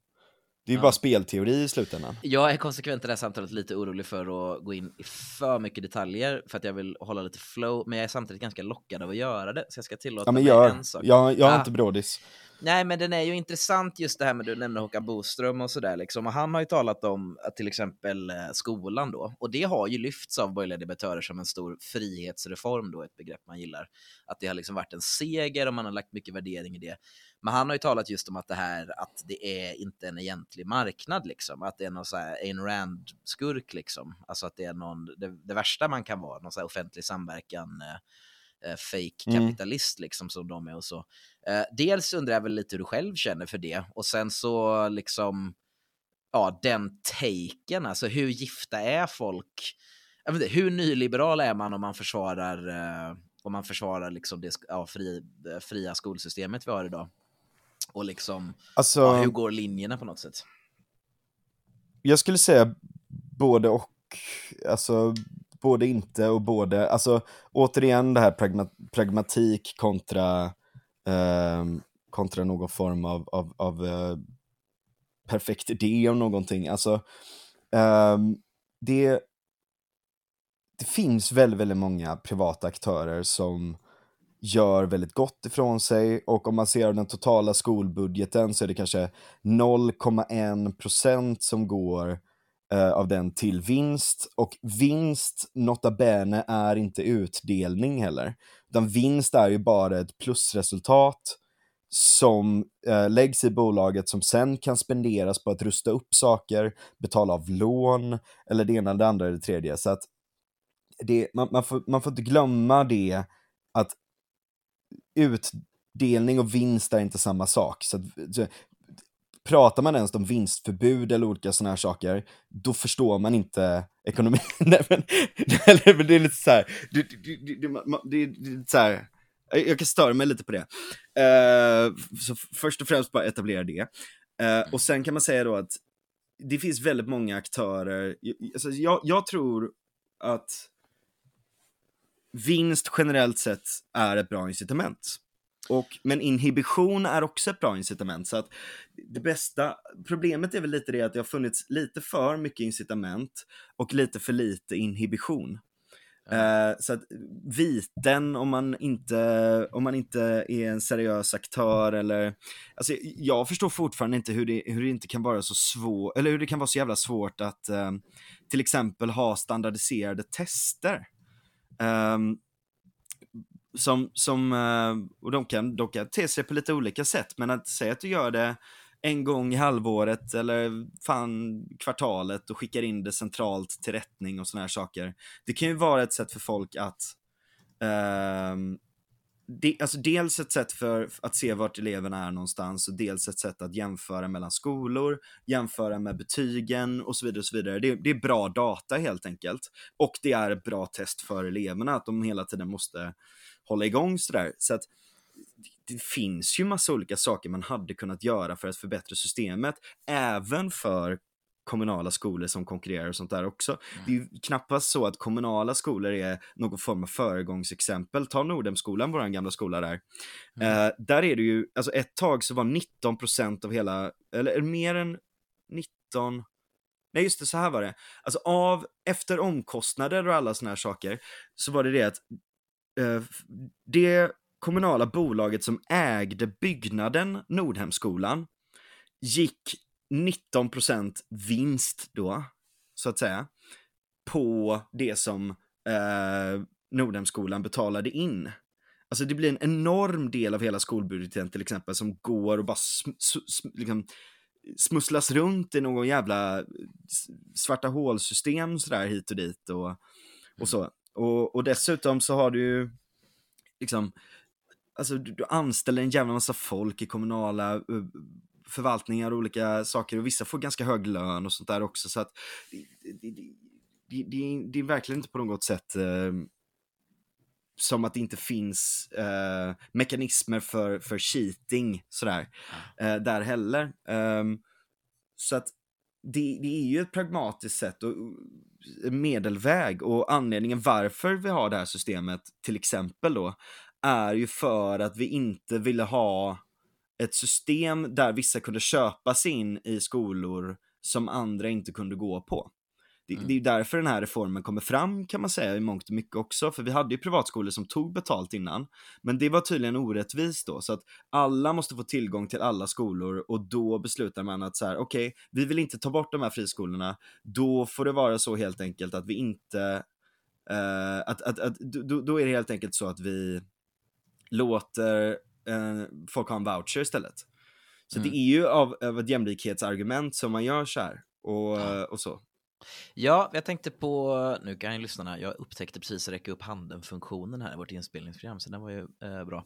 Men eh, jag tänkte på, eh, ja som sagt, man vill inte gå ner för djupt i specifika exempel, men det här är ju ändå ett intressant exempel för att den sätter verkligen fingret på typ en specifik reform som är väldigt tidstypisk när den genomfördes och, och drar väl vissa konfliktlinjer och sådär. Och då vill jag bara stanna vid det här, för att vi talar mycket om vinst och så nu. Men är inte personer som Boström och så argumenterar väl mer runt att det helt enkelt är alltså skattepengar istället för privata avgifter som finansierar de här skolorna, vilket skulle göra det till inte en verklig marknad liksom. Och att då, alltså ett rent institutionell uh, säg det tio gånger snabbt, alltså institutionalistiskt, liksom, rent institutionalistiskt, så upprätthåller det inte marknadsmässiga mekanismer för att liksom driva mm. de här skolorna. Nej, det, men det är ju, det är ju en, en pseudomarknad eh, på sätt och vis. Eh, men, alltså, lycka till med att driva igenom att marknadsutsätta det helt också. Mm. Det är helt enkelt omöjligt menar du eller? Nej, jag skulle inte säga att det är omöjligt, men jag skulle säga att det är svårt. Um, så att det är en kompromiss det här systemet och, och den är verkligen inte optimal på något sätt i, i någon form av, av um, idé om ett perfekt uh, system. Men, men samtidigt så kanske det är en, en, um, en kompromiss mellan någon form av jämlikhet, alltså så här, bara för att jag säger att det inte upp, går att uppnå total jämlikhet så, så är det klart att eh, det kan vara mer, saker och ting kan vara mer eller mindre jämlika sådär och i någon form av jämlikhetsideal att alla ska få tillgång till att gå på de här skolorna. Ur ett sådant perspektiv så, så eh, som är någonting som väldigt många värderar så kan det vara så att det är en sån kompromiss som folk kan komma överens om och, och det, det, är lite det att som, som många ibland glömmer och, och, och som det är såklart väldigt lätt att attackera att attackera varandra för så här att men ni tycker ju inte så här egentligen, ni vill egentligen ha det där, där, där, där. Men, ja, men man måste också komma överens om någonting. Um, sådär. Mm. Um, jag tänkte... Att, jag, skulle inte säga, jag skulle inte säga att det, är, att, att det är mer nyliberalt att vara för att eh, det bara finns kommunala skolor. Däremot skulle man kunna säga att det hade varit mer nyliberalt att eh, kunna säga att man skulle kunna få göra skatteavdrag eh, för pengarna man lägger på en skola. Typ. Ah. Ja, intressant. Jag tänkte... Men det har ju också sina problem. Det kan vara upp till en viss, eh, alltså att det skulle kunna vara upp till en viss nivå då. Eh, alltså, för jag, jag, insåg precis att då kan en skola ta ut en miljon liksom, eller du vet. Men ja. Eh, så här, ett tak sådär. Och ja, för att desperat försöka knyta ihop det här till nyliberalismen. Alltså jag känner ju väldigt, alltså jag har varit i extremt många sådana diskussioner där det liksom alltid liksom gnabb bara landar i att man måste sluta upp mot nyliberalismen då. Och invandring är ju då ett intressant exempel för att där är man ju plötsligt, alltså i många vänstersammanhang är man ju då väldigt nyliberal uttryck på det sättet liksom. Och alltså den totala liksom, identitetskrisen som har uppstått när liksom, man har målat upp då Centerpartiet under Annie Lööf som typ det mest psykotiskt thatcheristiska som vi bara har så här ja, som Palme säger, då, ett iskallt samhälle där alla är vargar som jagar varandra och så vidare. Och sen plötsligt så befinner man sig på samma sida som dem i liksom någonting som handlar om en mer eller mindre liberal migrationspolitik. Och än en gång, så här, man kan tycka bu eller bä om det, men det är ju, jag vet inte, man kan fråga sig vad ens nyliberalism betyder i det här sammanhanget. Kanske sväva iväg lite, men... Mm, nej, nej, men det, det, det, det är väldigt bra utsvävning. Jag, jag håller med. Alltså, det... Eh, det, det är också lite det, det jag menar är att så här, pratar man med någon som är höger som kritiserar nyliberalism så är det en sak, pratar man med någon som kritiserar från vänster håll så är det en annan sak. Uh, och, och, jag menar, det finns ju folk, uh, Viktor Pressfeldt till exempel har ägnat tio år av sitt liv att titta på nya saker som nyliberalism är eller kan vara uh, i sin doktorsavhandling som inte är klar än. Så att jag menar, det, uppenbarligen så finns det ju mycket kreativ. Nej, det där är ju lite käpp, och än en gång så outside looking in, alltså det här märkte jag lite en så här käpphäst för människor som upplever jag det, som upplever sig som liberaler, att de har väldigt svårt för henne, Viktor Pressfeldt. Men alltså han är någon form av historiker, eller? Ja, nej, jag skulle säga att han är, han är en, en um, esoterisk magiker. jo, jo, som, men... som, sitter, som sitter på sin kammare och, och så här, med sin voodoo-docka så här, och bara liksom försöker infusera alkemiskt nya saker som han stör sig på som kan kallas nyliberalism. Men för att inte förvirra våra lyssnare då, till yrkestiteln historiker kan vi komma överens om, eller? Jag, jag, vet inte, jag tror det. Men han är... men, men han är också sådär då, va? Att, liksom, att det här är, alltså nyliberalism där är liksom... Ja, det är typ att så här, den högerpopulistiska vågen också är nyliberal då, liksom, eller? Mm. Uh, ja, exakt. För det där känner man ju också igen lite att, alltså du vet, man sa Thatcher och Reagan typ, liksom att de kan ofta bli den här bryggan för så här vänsterkritik mot liksom där Uh, vad man då kanske hade kallat någon Alltså SD har ju i många vänstersammanhang beskrivit som ett så här, nyliberalt fenomen, att är en, naturlig reaktion på nyliberalism och, och, genom den vägen så tillåter man sig att inte dra några skiljelinjer mellan liksom att så här, ja, det är ett kallt individualistiskt samhälle där folk bryr sig om mindre om varandra och därför blir man typ rasister och därför är det här bara andra sidan av myntet på nyliberalism och sådär. Mm. Och um, och alltså än en gång är det så uppenbart att det är liksom att man inte tittar på att här, SD kanske faktiskt står i konflikt med liksom en liberal borgerlighet och liksom om man bara tittar på det faktiska politiska läget så är det så här, de kommer faktiskt inte överens. Men så säger man väl att det är dialektiskt eller någonting då för att klar, liksom, komma över den motsättningen. Typ. men, ja, men det är ofta så. Men liksom... Eh, men typ att det... Um, jag vet inte. Nu, jag vet inte, du studsar vi från pressfält till det ena och det andra, men det är lite Ja, nej, men jag, nej, nej, det, det, det är superintressant det. Ja. ja, men typ att det, det där är det, jag, jag vet inte så mycket om den här pressfältet. Jag skulle anta att han inte är dum i huvudet i bemärkelsen att han har liksom en låg IQ eller sådär. Men nej, det känns ju ganska... Inte, vi behöver inte uppehålla oss på, på honom eller... Nej, nej, och jag vet inte ens vem han är. Ja. Alltså, jag, jag känner egentligen mest bara nej. till honom för att jag har sett att typ folk i liberala sammanhang inte tycker om honom. Men Mm. Alltså jag, jag känner däremot igen för alltså det blir en sån här syntax error-grej liksom, att man måste ha en enhetlig fiende hela tiden. Och det liksom, det blir ju, alltså det blir omöjligt att rita en politisk karta liksom. Om allt är samma sak så är liksom, om det här, betyder, om det här begreppet betyder allting så betyder det ingenting liksom, helt enkelt. Ja. Um, och det är väl lite det jag funderar med det här woke-begreppet med, alltså för att jag, så här, jag kan ju höra det användas ibland och vara ah, woke, det är jag också emot. Men typ att man... Ja, är det, det är också en... nyliberalism? Ja, det antar det. Men, men det är också sån en hungrig imperialist, det lilla begreppet som bara betyder... Alltså typ Galtanskalan och vad som är kulturfrågor. Alltså allt sånt där är ju Ge det bara tid så expanderar det och liksom betyder mycket mer och mycket mer tills det liksom inte betyder någonting överhuvudtaget och man liksom ja. kan inte ens kommunicera med andra människor. Och det kanske mer är liksom en begränsning i språk som sådant typ. Men eh, jag vet inte, nyliberalism är väl lite sån här begrepp som man kan börja känna att det kan vara kanske lite skönt och man kan lägga bakom sig nästan. Att man liksom... Ja men det känns ju som att nu har man, nu har man lagt det bakom sig och så, och så kallar man alla fascister istället. Mm, jo, det skulle det vara det då. Ja, och fascism är också sådana här begrepp som är ganska bra om man håller det tidshistoriskt specifikt. Liksom. Men även det här, alltså det är ju också intressant, för typ, fascism är ju sånt där, man, så här, ja, men jag tror inte att det här är, jag tror inte Jimmy Åkesson är fascist, jag säger inte att han är bra eller dålig, men jag tror inte han är fascist. Och det mm. vanliga, mm. alltså, kan någon säga i debatten, och ett vanligt svar de kan få då är att så här, det här är naivt för att man ser inte att fascismen kan ta olika former och komma tillbaka och bla bla bla. Och, och jag vet inte, det, då är väl alltid saken att så här, alltså, ja. Alltså typ att så här, det är inte så att det inte kan finnas någon genealogi typ, eller att det inte kan finnas några såna här intressanta jämförelsepunkter. Men att det kan vara så svårt för människor ibland och bara tänka att så här, det är inte samma sak och det är okej okay att det inte är det. Och att det är, om det nu skulle vara någon form av fascism, eller, alltså, vilket jag kan väl förtydliga att jag inte tror, men alltså så att då kanske det är bättre att ha ett specifikt begrepp. Man behöver inte vara rädd för nya begrepp liksom. Och nyliberalism är ju alltså ett perfekt sånt där begrepp som att jag tycker att det fångar någonting konkret, men man bara ja, jag vet inte, man bara urvattnar varumärket liksom. Om man använder det rätt så, så kan du absolut göra det.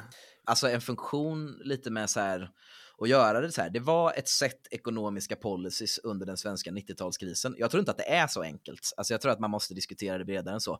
Men att liksom säga så här, det här är ens ordboksdefinition, det gör det liksom hanterbart att prata om överhuvudtaget. Och det lämnade då också öppet för, ja som sagt, varför det har varit mycket trevligt att prata med dig.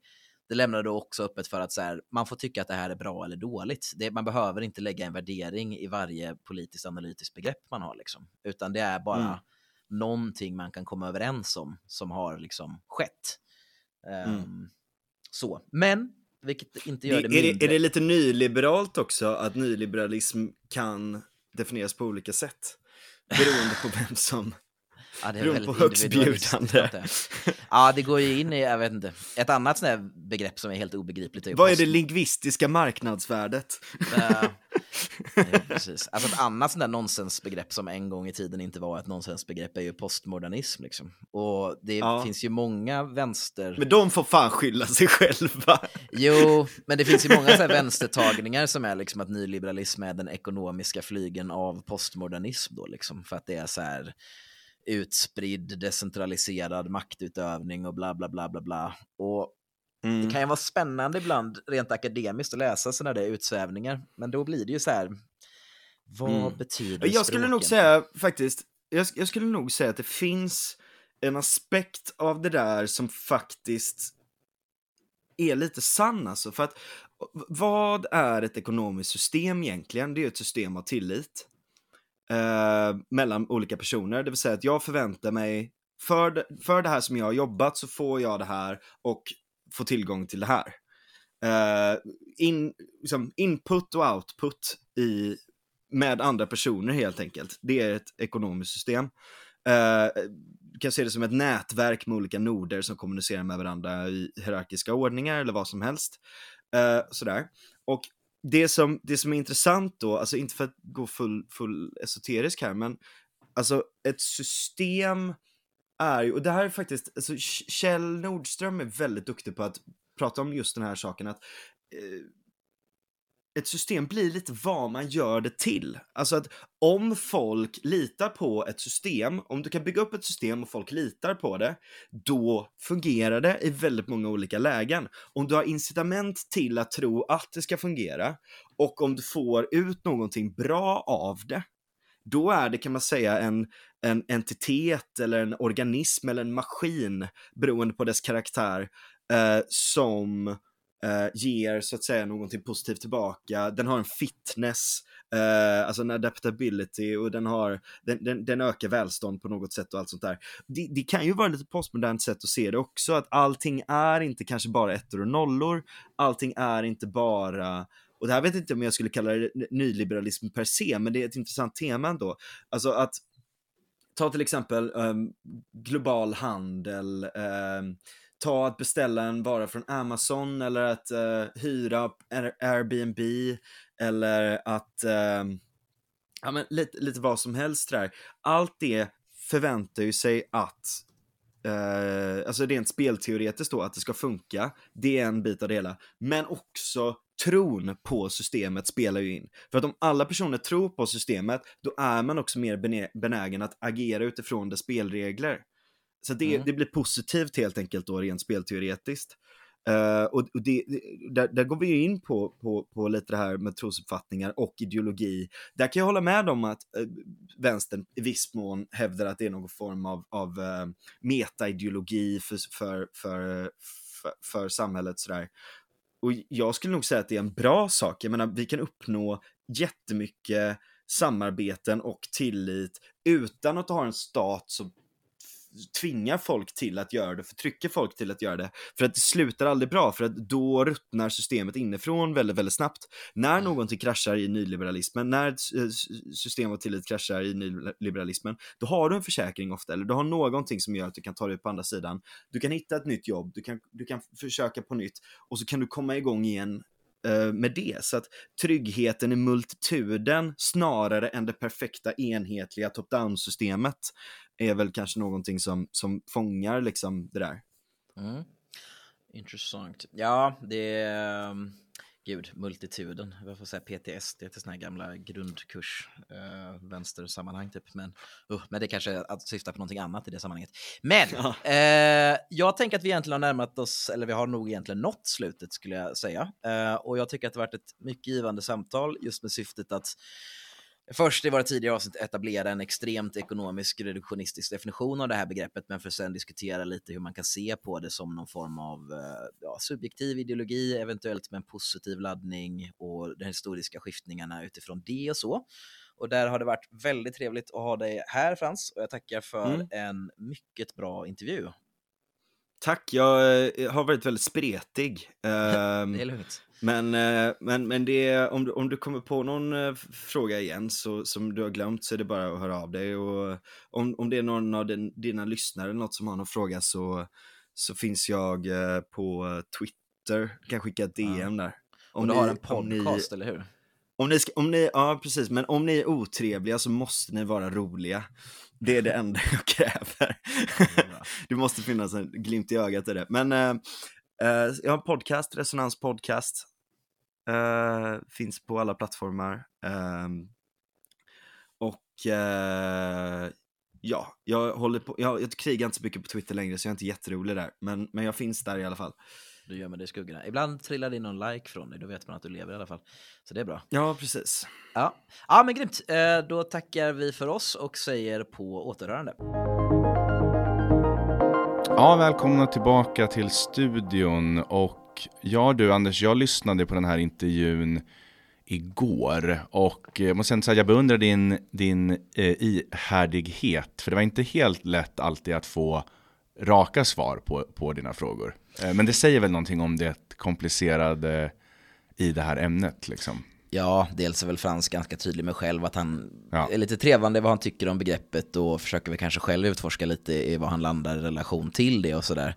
Mm, det kändes som att det var liksom en liksom, eh, resonerande svar eller vad man ska mm. säga, att han annan tänkte när han svarade så att säga. Ja, ja men precis och jag tyckte väl det blev ett ganska intressant utforskande. Men det är väl några specifika saker mm. vi har varit ute efter här lite som vi kanske ska behandla. Precis, får jag bara börja med, med en kommentar? Och, alltså, jag har alltid tänkt att en tydlig skiljelinje mellan typ klassisk liberalism eller libertarianism och nyliberalism, det är att medan klassisk liberalism förespråkar liksom statens gradvisa tillbakadragande till förmån för marknaden, så menar nyliberalismen mer att staten aktivt ska konstruera och reglera och upprätthålla och vara någon slags garant för en fungerande marknad.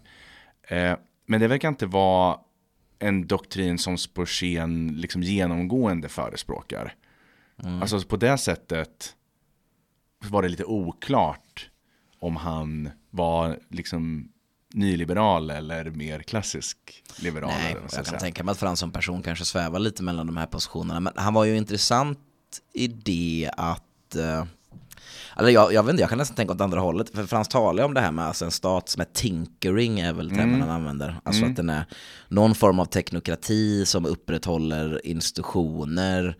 Eh, så att liksom rätt spelregler för marknader ska kunna råda och på den marknaden, där uttrycker sig människor naturligt, alltså som människor mm. är naturligt. Mm.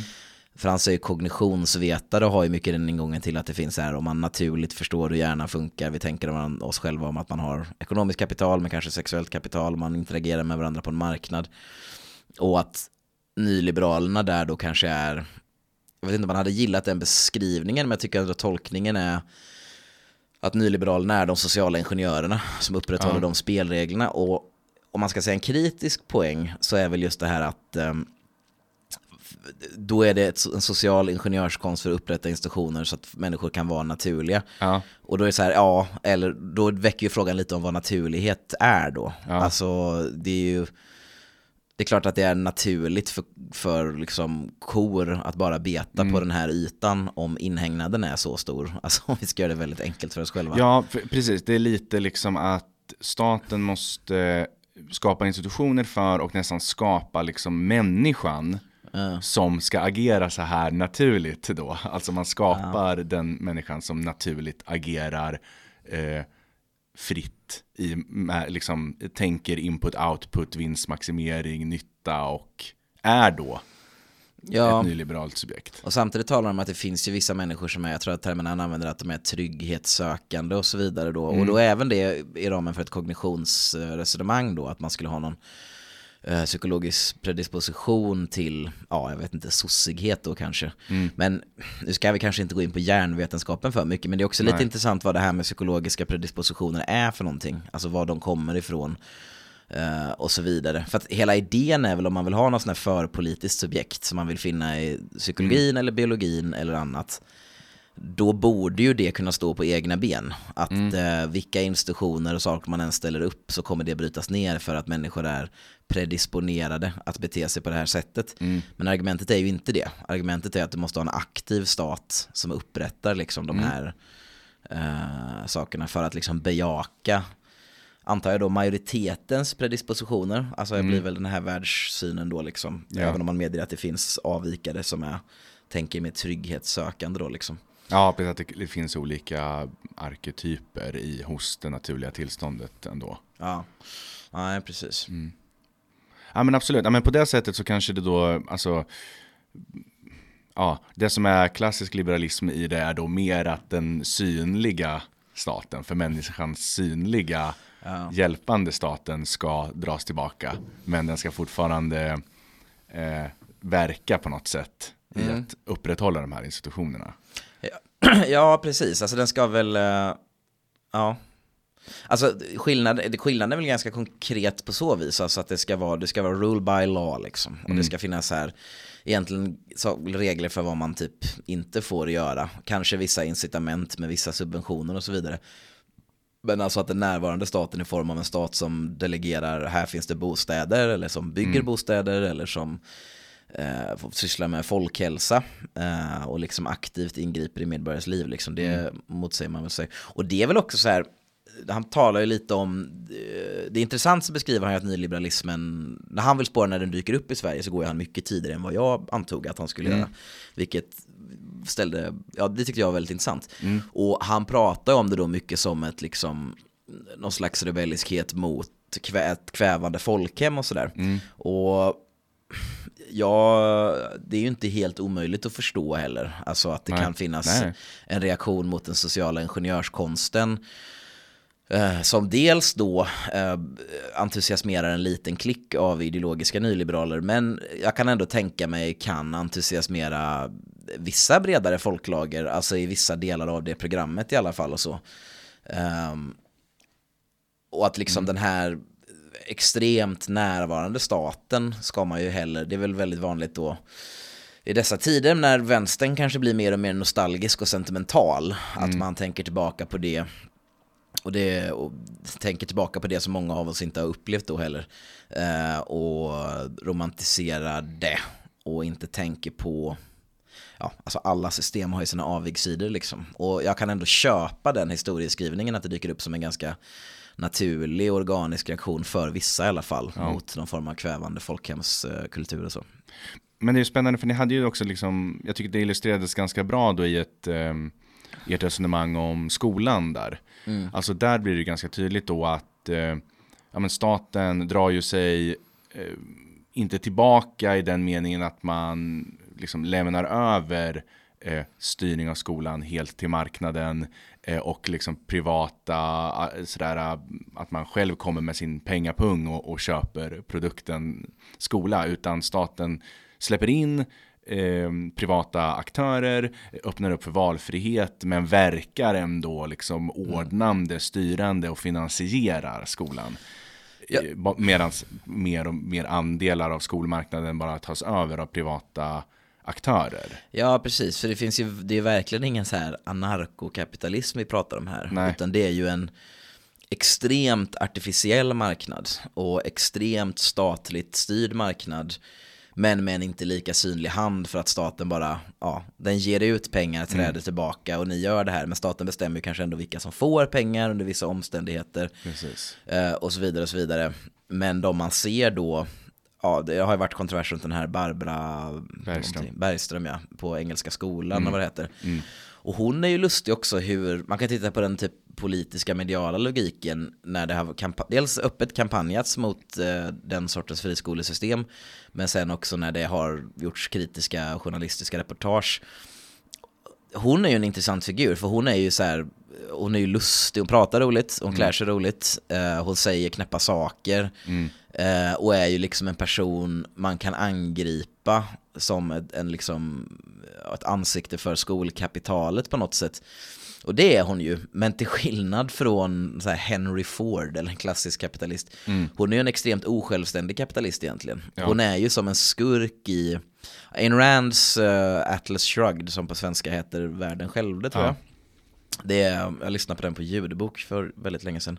Och där är ju skurkarna i den berättelsen. Ayn Rand då är ju den här ja, objektivism var hennes filosofi, men hon är någon form av ultraliberal då som har inspirerat många i den här traditionen. Ja. Och skurkarna i den filmen är ju inte i första hand typ fackföreningar, socialister eh, eller så här fascistiska diktatorer som vill, utan det är typ offentlig-privat samverkan kapitalister. Mm. Alltså att det Typ är... parasiter som ammar på staten. Precis, och det är ju lite intressant för att alltså Barbara Bergström är ju en Ayn Rand-skurk i den bemärkelsen. Elon Musk är en Ayn Rand-skurk också, han lever bara på, och han är också populär i, i många så här, eh, vad ska man säga, libertarianska kretsar och sådär. Och det är någonting som ofta går ganska obemärkt. Alltså dels att det är en sån tacksam måltavla för en vänstermiljö som är kritisk till friskolor. eh, vilket är ironiskt med tanke på att det är egentligen inte hon som är, hon är en väldigt osjälvständig kapitalist. Och dels att det finns ett sånt försvar bland vissa liberala strömningar för de här människorna som absolut inte är eh, kapitalistentreprenörer och självständiga så. Jag vet jag inte alls vad Frans tycker om Engelska skolan, det dyker inte upp, men nu använder jag väl mer det som en språngbräda till något bredare så. Eh, men det är ju intressant, alltså det sätter ju motsägelsefullheten i, för Frans, det framgår ju också att Frans menar ju, han är ju inte nöjd med många av de här, Nej. han talar ju om att många av de här reformerna man har gjort, man talar om posten och sådär, att det har blivit mellanting, kompromisser som har blivit mutationer. Och jag ställde väl ändå någon fråga där om, ja men gör det inte det, då blir väl ingen nöjd. Gör det inte det värre för både då, om vi ska göra det väldigt enkelt för oss, typ socialister och liberaler något sånt där. Och där är han väl ändå, han vill väl ändå landa i att det var bra i slutändan liksom. Eh, men han är väl inte, ja, man märker väl kanske att han inte är helt nöjd så liksom. Och ja, det är ju lite intressant för att med Håkan Boström och den här debattörerna som vi diskuterar, de är ju representanter för borgerligheten som ändå har liksom lite i backspegeln, now when the dust has settled, titta tillbaka på Reinfeldt då. Alltså blev det så jävla bra egentligen och inte minst blev det så jävla liberalt egentligen? Nej, Eh, precis. är ju en intressant fråga. Okej, men där ni kanske kom in på ehm, och pratade mer explicit, eh, mer meta om detta var ju när ni kom in på det här när nyliberalism, liberalismen liksom kom till Sverige, vilka företrädde det och sen fanns det några som har kallat sig det. Ja, och där förvånade ju Frans mig och fick mig, det var ganska intressant, det har fått mig tänka lite i efterhand, att jag fiskar ju då efter, ja men när dyker den upp? Och då säger han 1982, eller 3 eller vad det är, jag minns inte exakt. Och då blev jag liksom lite förvånad, och då nämnde han tidningen Nyliberalen, som jag inte kände till, men som var utgiven av den här Frihetsfronten, som var en organisation som var involverad av de här Johan Norberg, de som jag nämnt lite tidigare. Eh, men då var det ju en idéströmning och då var det väl om man ska använda det begreppet generöst lite punk, lite indie, lite Ja. eh, ja, inte så jättemainstream, men med de här idéerna. Och det kanske inte är så konstigt, för jag menar nyliberala idéer, Montpellerin eh, Society och sådär i resten av västvärlden, det börjar ju slå redan på 70-talet liksom. Så det kanske inte är så jättechockerande egentligen att idéerna förekommer i Sverige. Men jag tyckte också att det var intressant att Frans gärna direkt går dit liksom, eh, på frågan. Eh, och då försökte jag så här fråga lite mer, ja okej, men när får det liksom realistiska aspirationer på statsmakt och så då? Och då tänkte väl jag att han skulle svara att det börjar bubbla under 90-talet och blommar i Reinfeldt liksom, för Ja. det är mycket så jag har tänkt. Men det gör han ju inte, han svarar Nej. ju i och med Centerpartiets idéprogram som vi kommer fram till är 2013 då. Mm, precis i slutet av Reinfeldt 2. Ja, och sen då när han pratar om, jag pratar ju så här, ja, men har Sverige någonsin varit liksom nyliberalt? Han, först säger han ju nej, kategoriskt nej, och sen nyanserar han sig själv lite grann, det finns liberala inslag och så. Men det är ju intressant det här med att, klart det kanske inte är så chockerande, för så är väl alla politiska läger, att man, eh, alla kanske upplever att de lever under tyranniet på något sätt och det har aldrig blivit exakt deras död, det var inte riktig socialism och så vidare. Eh, och att motståndaren är alltid mycket starkare än vad motståndaren själva upplever att de är och sådär. Eh, och det här är väl ett uttryck för det kan jag tänka mig. Men det, var- det var också intressant att det var ett sånt stort spann, alltså från 82 till 2013. Eh, och Ja, och han har, talar också om den här kritiken mot nyliberalerna inom svensk höger. Och jag tror att många, jag tror att det, liksom det officiella vänstersvaret fortfarande är att högern idag är nyliberal och att vi har en nyliberal höger. Men det finns uppenbarligen en pågående diskussion inom högern där nyliberalerna är en faktion som, ja, beroende vem man frågar, mår olika bra idag. Liksom.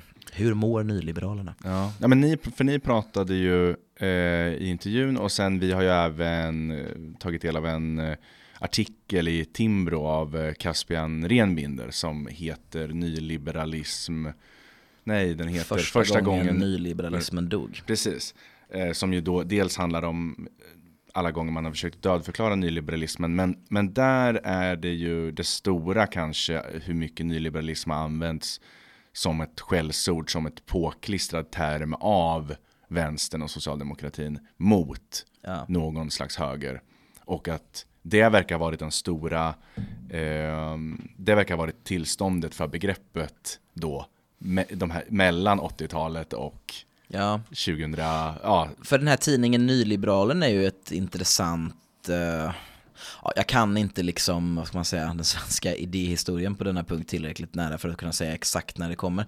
Men Nyliberalen är väl ett intressant exempel på hur, det, hur de själva introducerar begreppet. Men annars det framgår av den här artikeln, och som själv blev min bild lite efter att ha läst den, det är väl just det att det är ju egentligen Socialdemokraterna som importerar nyliberalismen till Sverige genom att varna för den och hur farlig den är.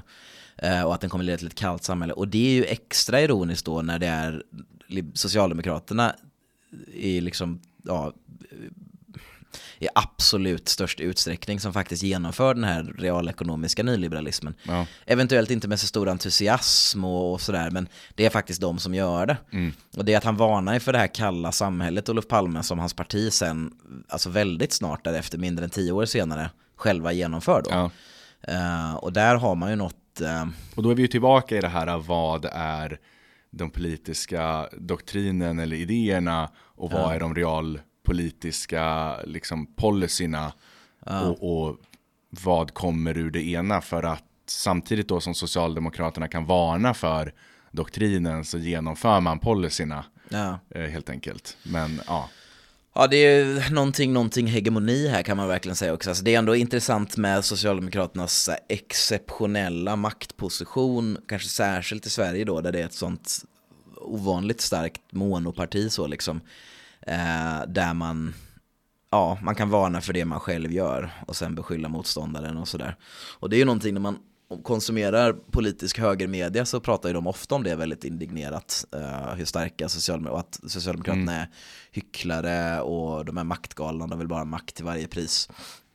Kanske de vill, men viktigare än så så är det väl jag tror väl att de flesta partierna beter sig så här i en maktposition. Eh, och, och det är ju ett det är nästan lite mer som att man kan beundra hantverket i det. Alltså hur nyliberalismen har genomförts i Sverige. Att man har kunnat göra allt det här själv samtidigt som man relativt effektivt har kunnat bevara en så här boogeyman som när man introducerade den var helt apart, fanns ingen organisk liksom mainstream-närvaro av den överhuvudtaget. Man varnar för den, man genomför den själv och sen så skyller man det på liksom Ja, man har ändå verkligen haft kontroll över processen i alla led. Sen tror jag att liksom det man gjorde på 90-talet har delegitimiserat Socialdemokraterna väldigt ja mycket. absolut. men ändå intressant.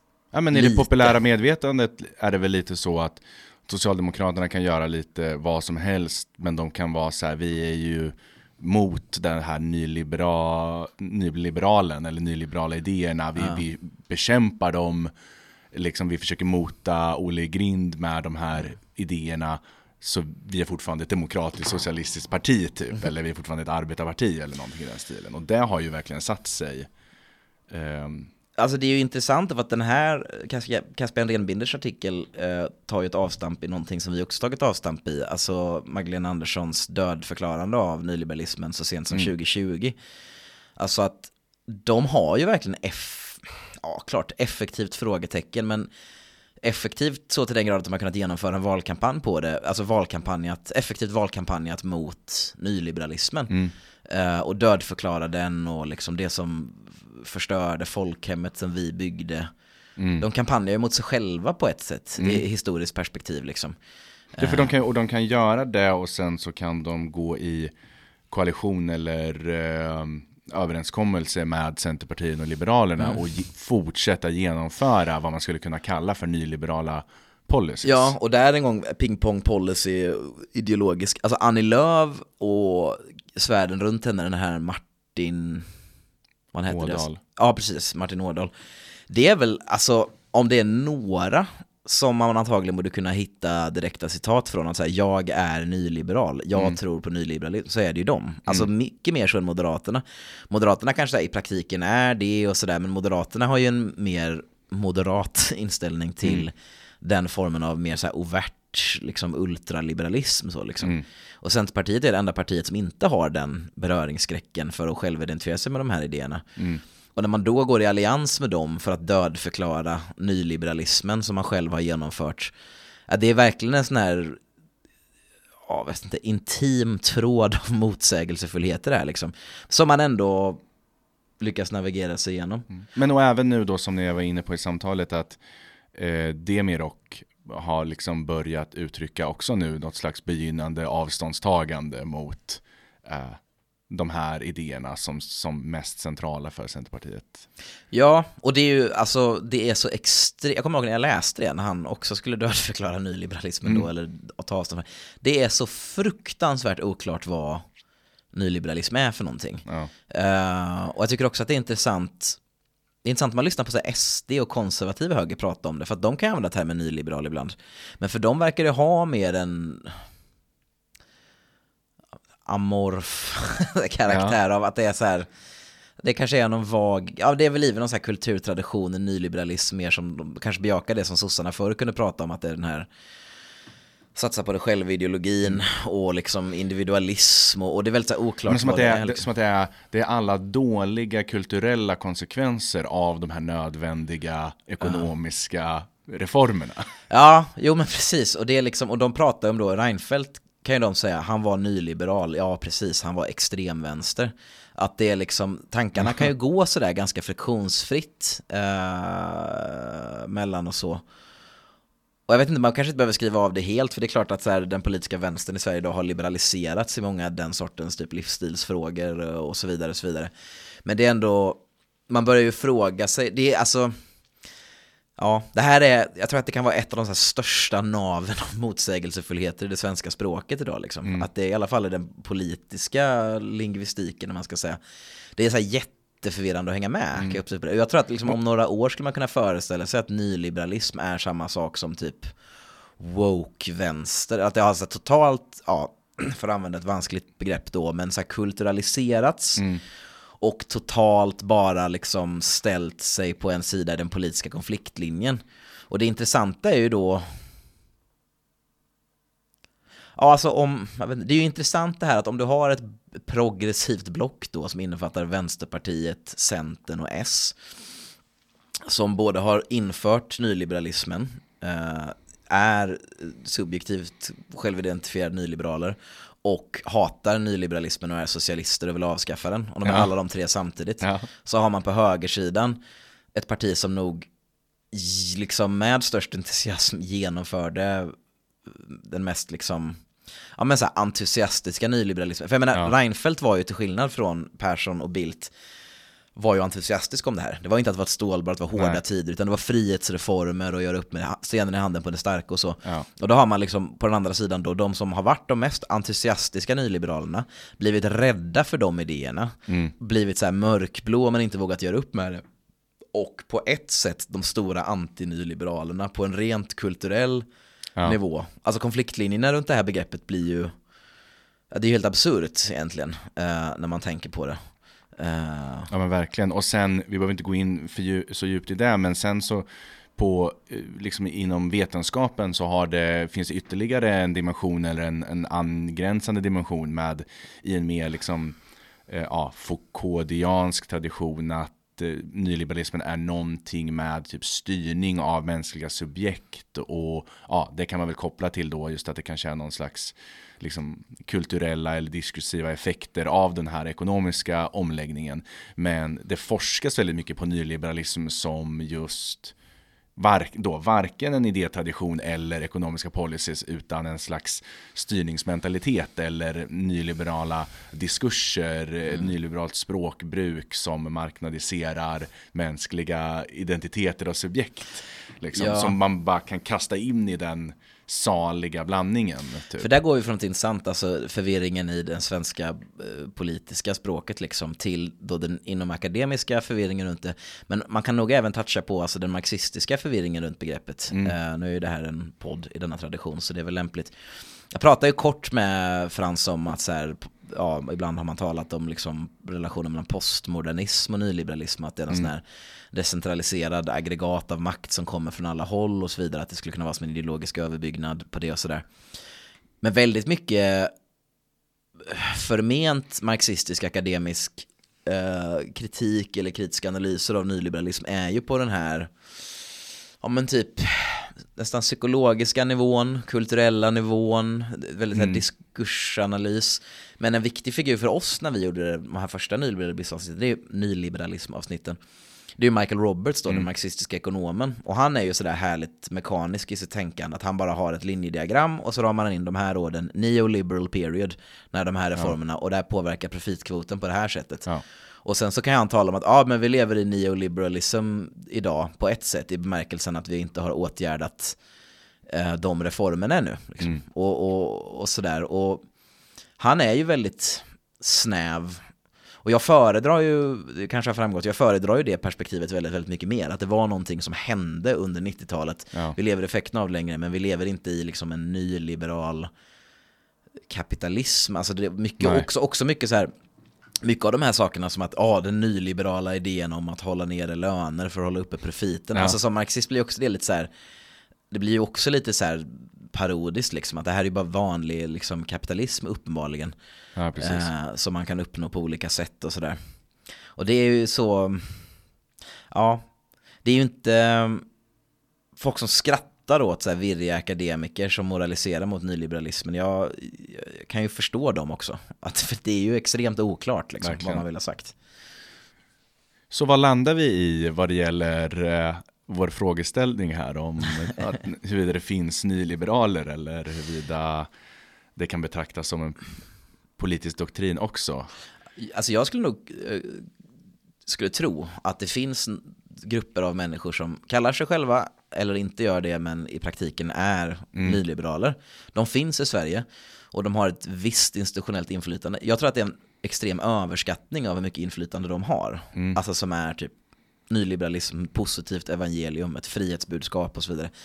Jag tror att det är extremt överskattat, deras inflytande. Mm. Uh, jag tror att de finns. Jag tror att de var starkare för några år sedan. Och jag tror att man gör sig en väldig otjänst om man tänker att de är, att om man besegrar dem så har man uppnått något som rör oss närmare någon, något tillstånd som var liksom det gamla, mer generösa välfärdsstaten om man ska säga. För att jag tror verkligen inte att det där problemet ligger idag. Och Nej. jag tror också att det är någonting att folk överskattar agens väldigt mycket. Ja. För jag menar, man ser när de här nyliberala, det är ju en extremt kaosartad tid när Socialdemokraterna inte har en plan B för mm. hela sin samhällsmodell och maktrelationerna inom partiet förändras på väldigt, väldigt kort tid under bara några år för att folk bara skjuts längst fram till linjen liksom. Vad är din lösning på problemet? Ja, det här, ja, det funkar inte. Vad är din lösning på problemet? Ja, det här, det funkar inte. Mm. Och situationen kräver någonting och till slut landar i det här. Och de som kommer fram då är ju sällan ideologiska entusiaster. Mm. Utan det är ju de som är beredda att pröva, pröva tills det funkar. Och då såklart ska man säga, funkar för vad mm. då? Men så mer, mer än att det är en politisk doktrin med aktörer, med agens som liksom influerat och drivit igenom det här i Sverige. Eh, då på liksom 80-90-tal, men även liksom nu med vissa reformer som man kan kalla nyliberala. Mindre det, mer att det är eh, policies och reaktioner på ekonomiska förändringar och hur man kan tackla dem som Ja. har lett till ett visst antal liksom, ekonomiska reformer. Eller Ja. ekonomisk-politiska Eller jag kan i alla fall säga att jag känner mig som en person som mer landar i det lägret. Att det finns en överskattning av subjektiva faktorer.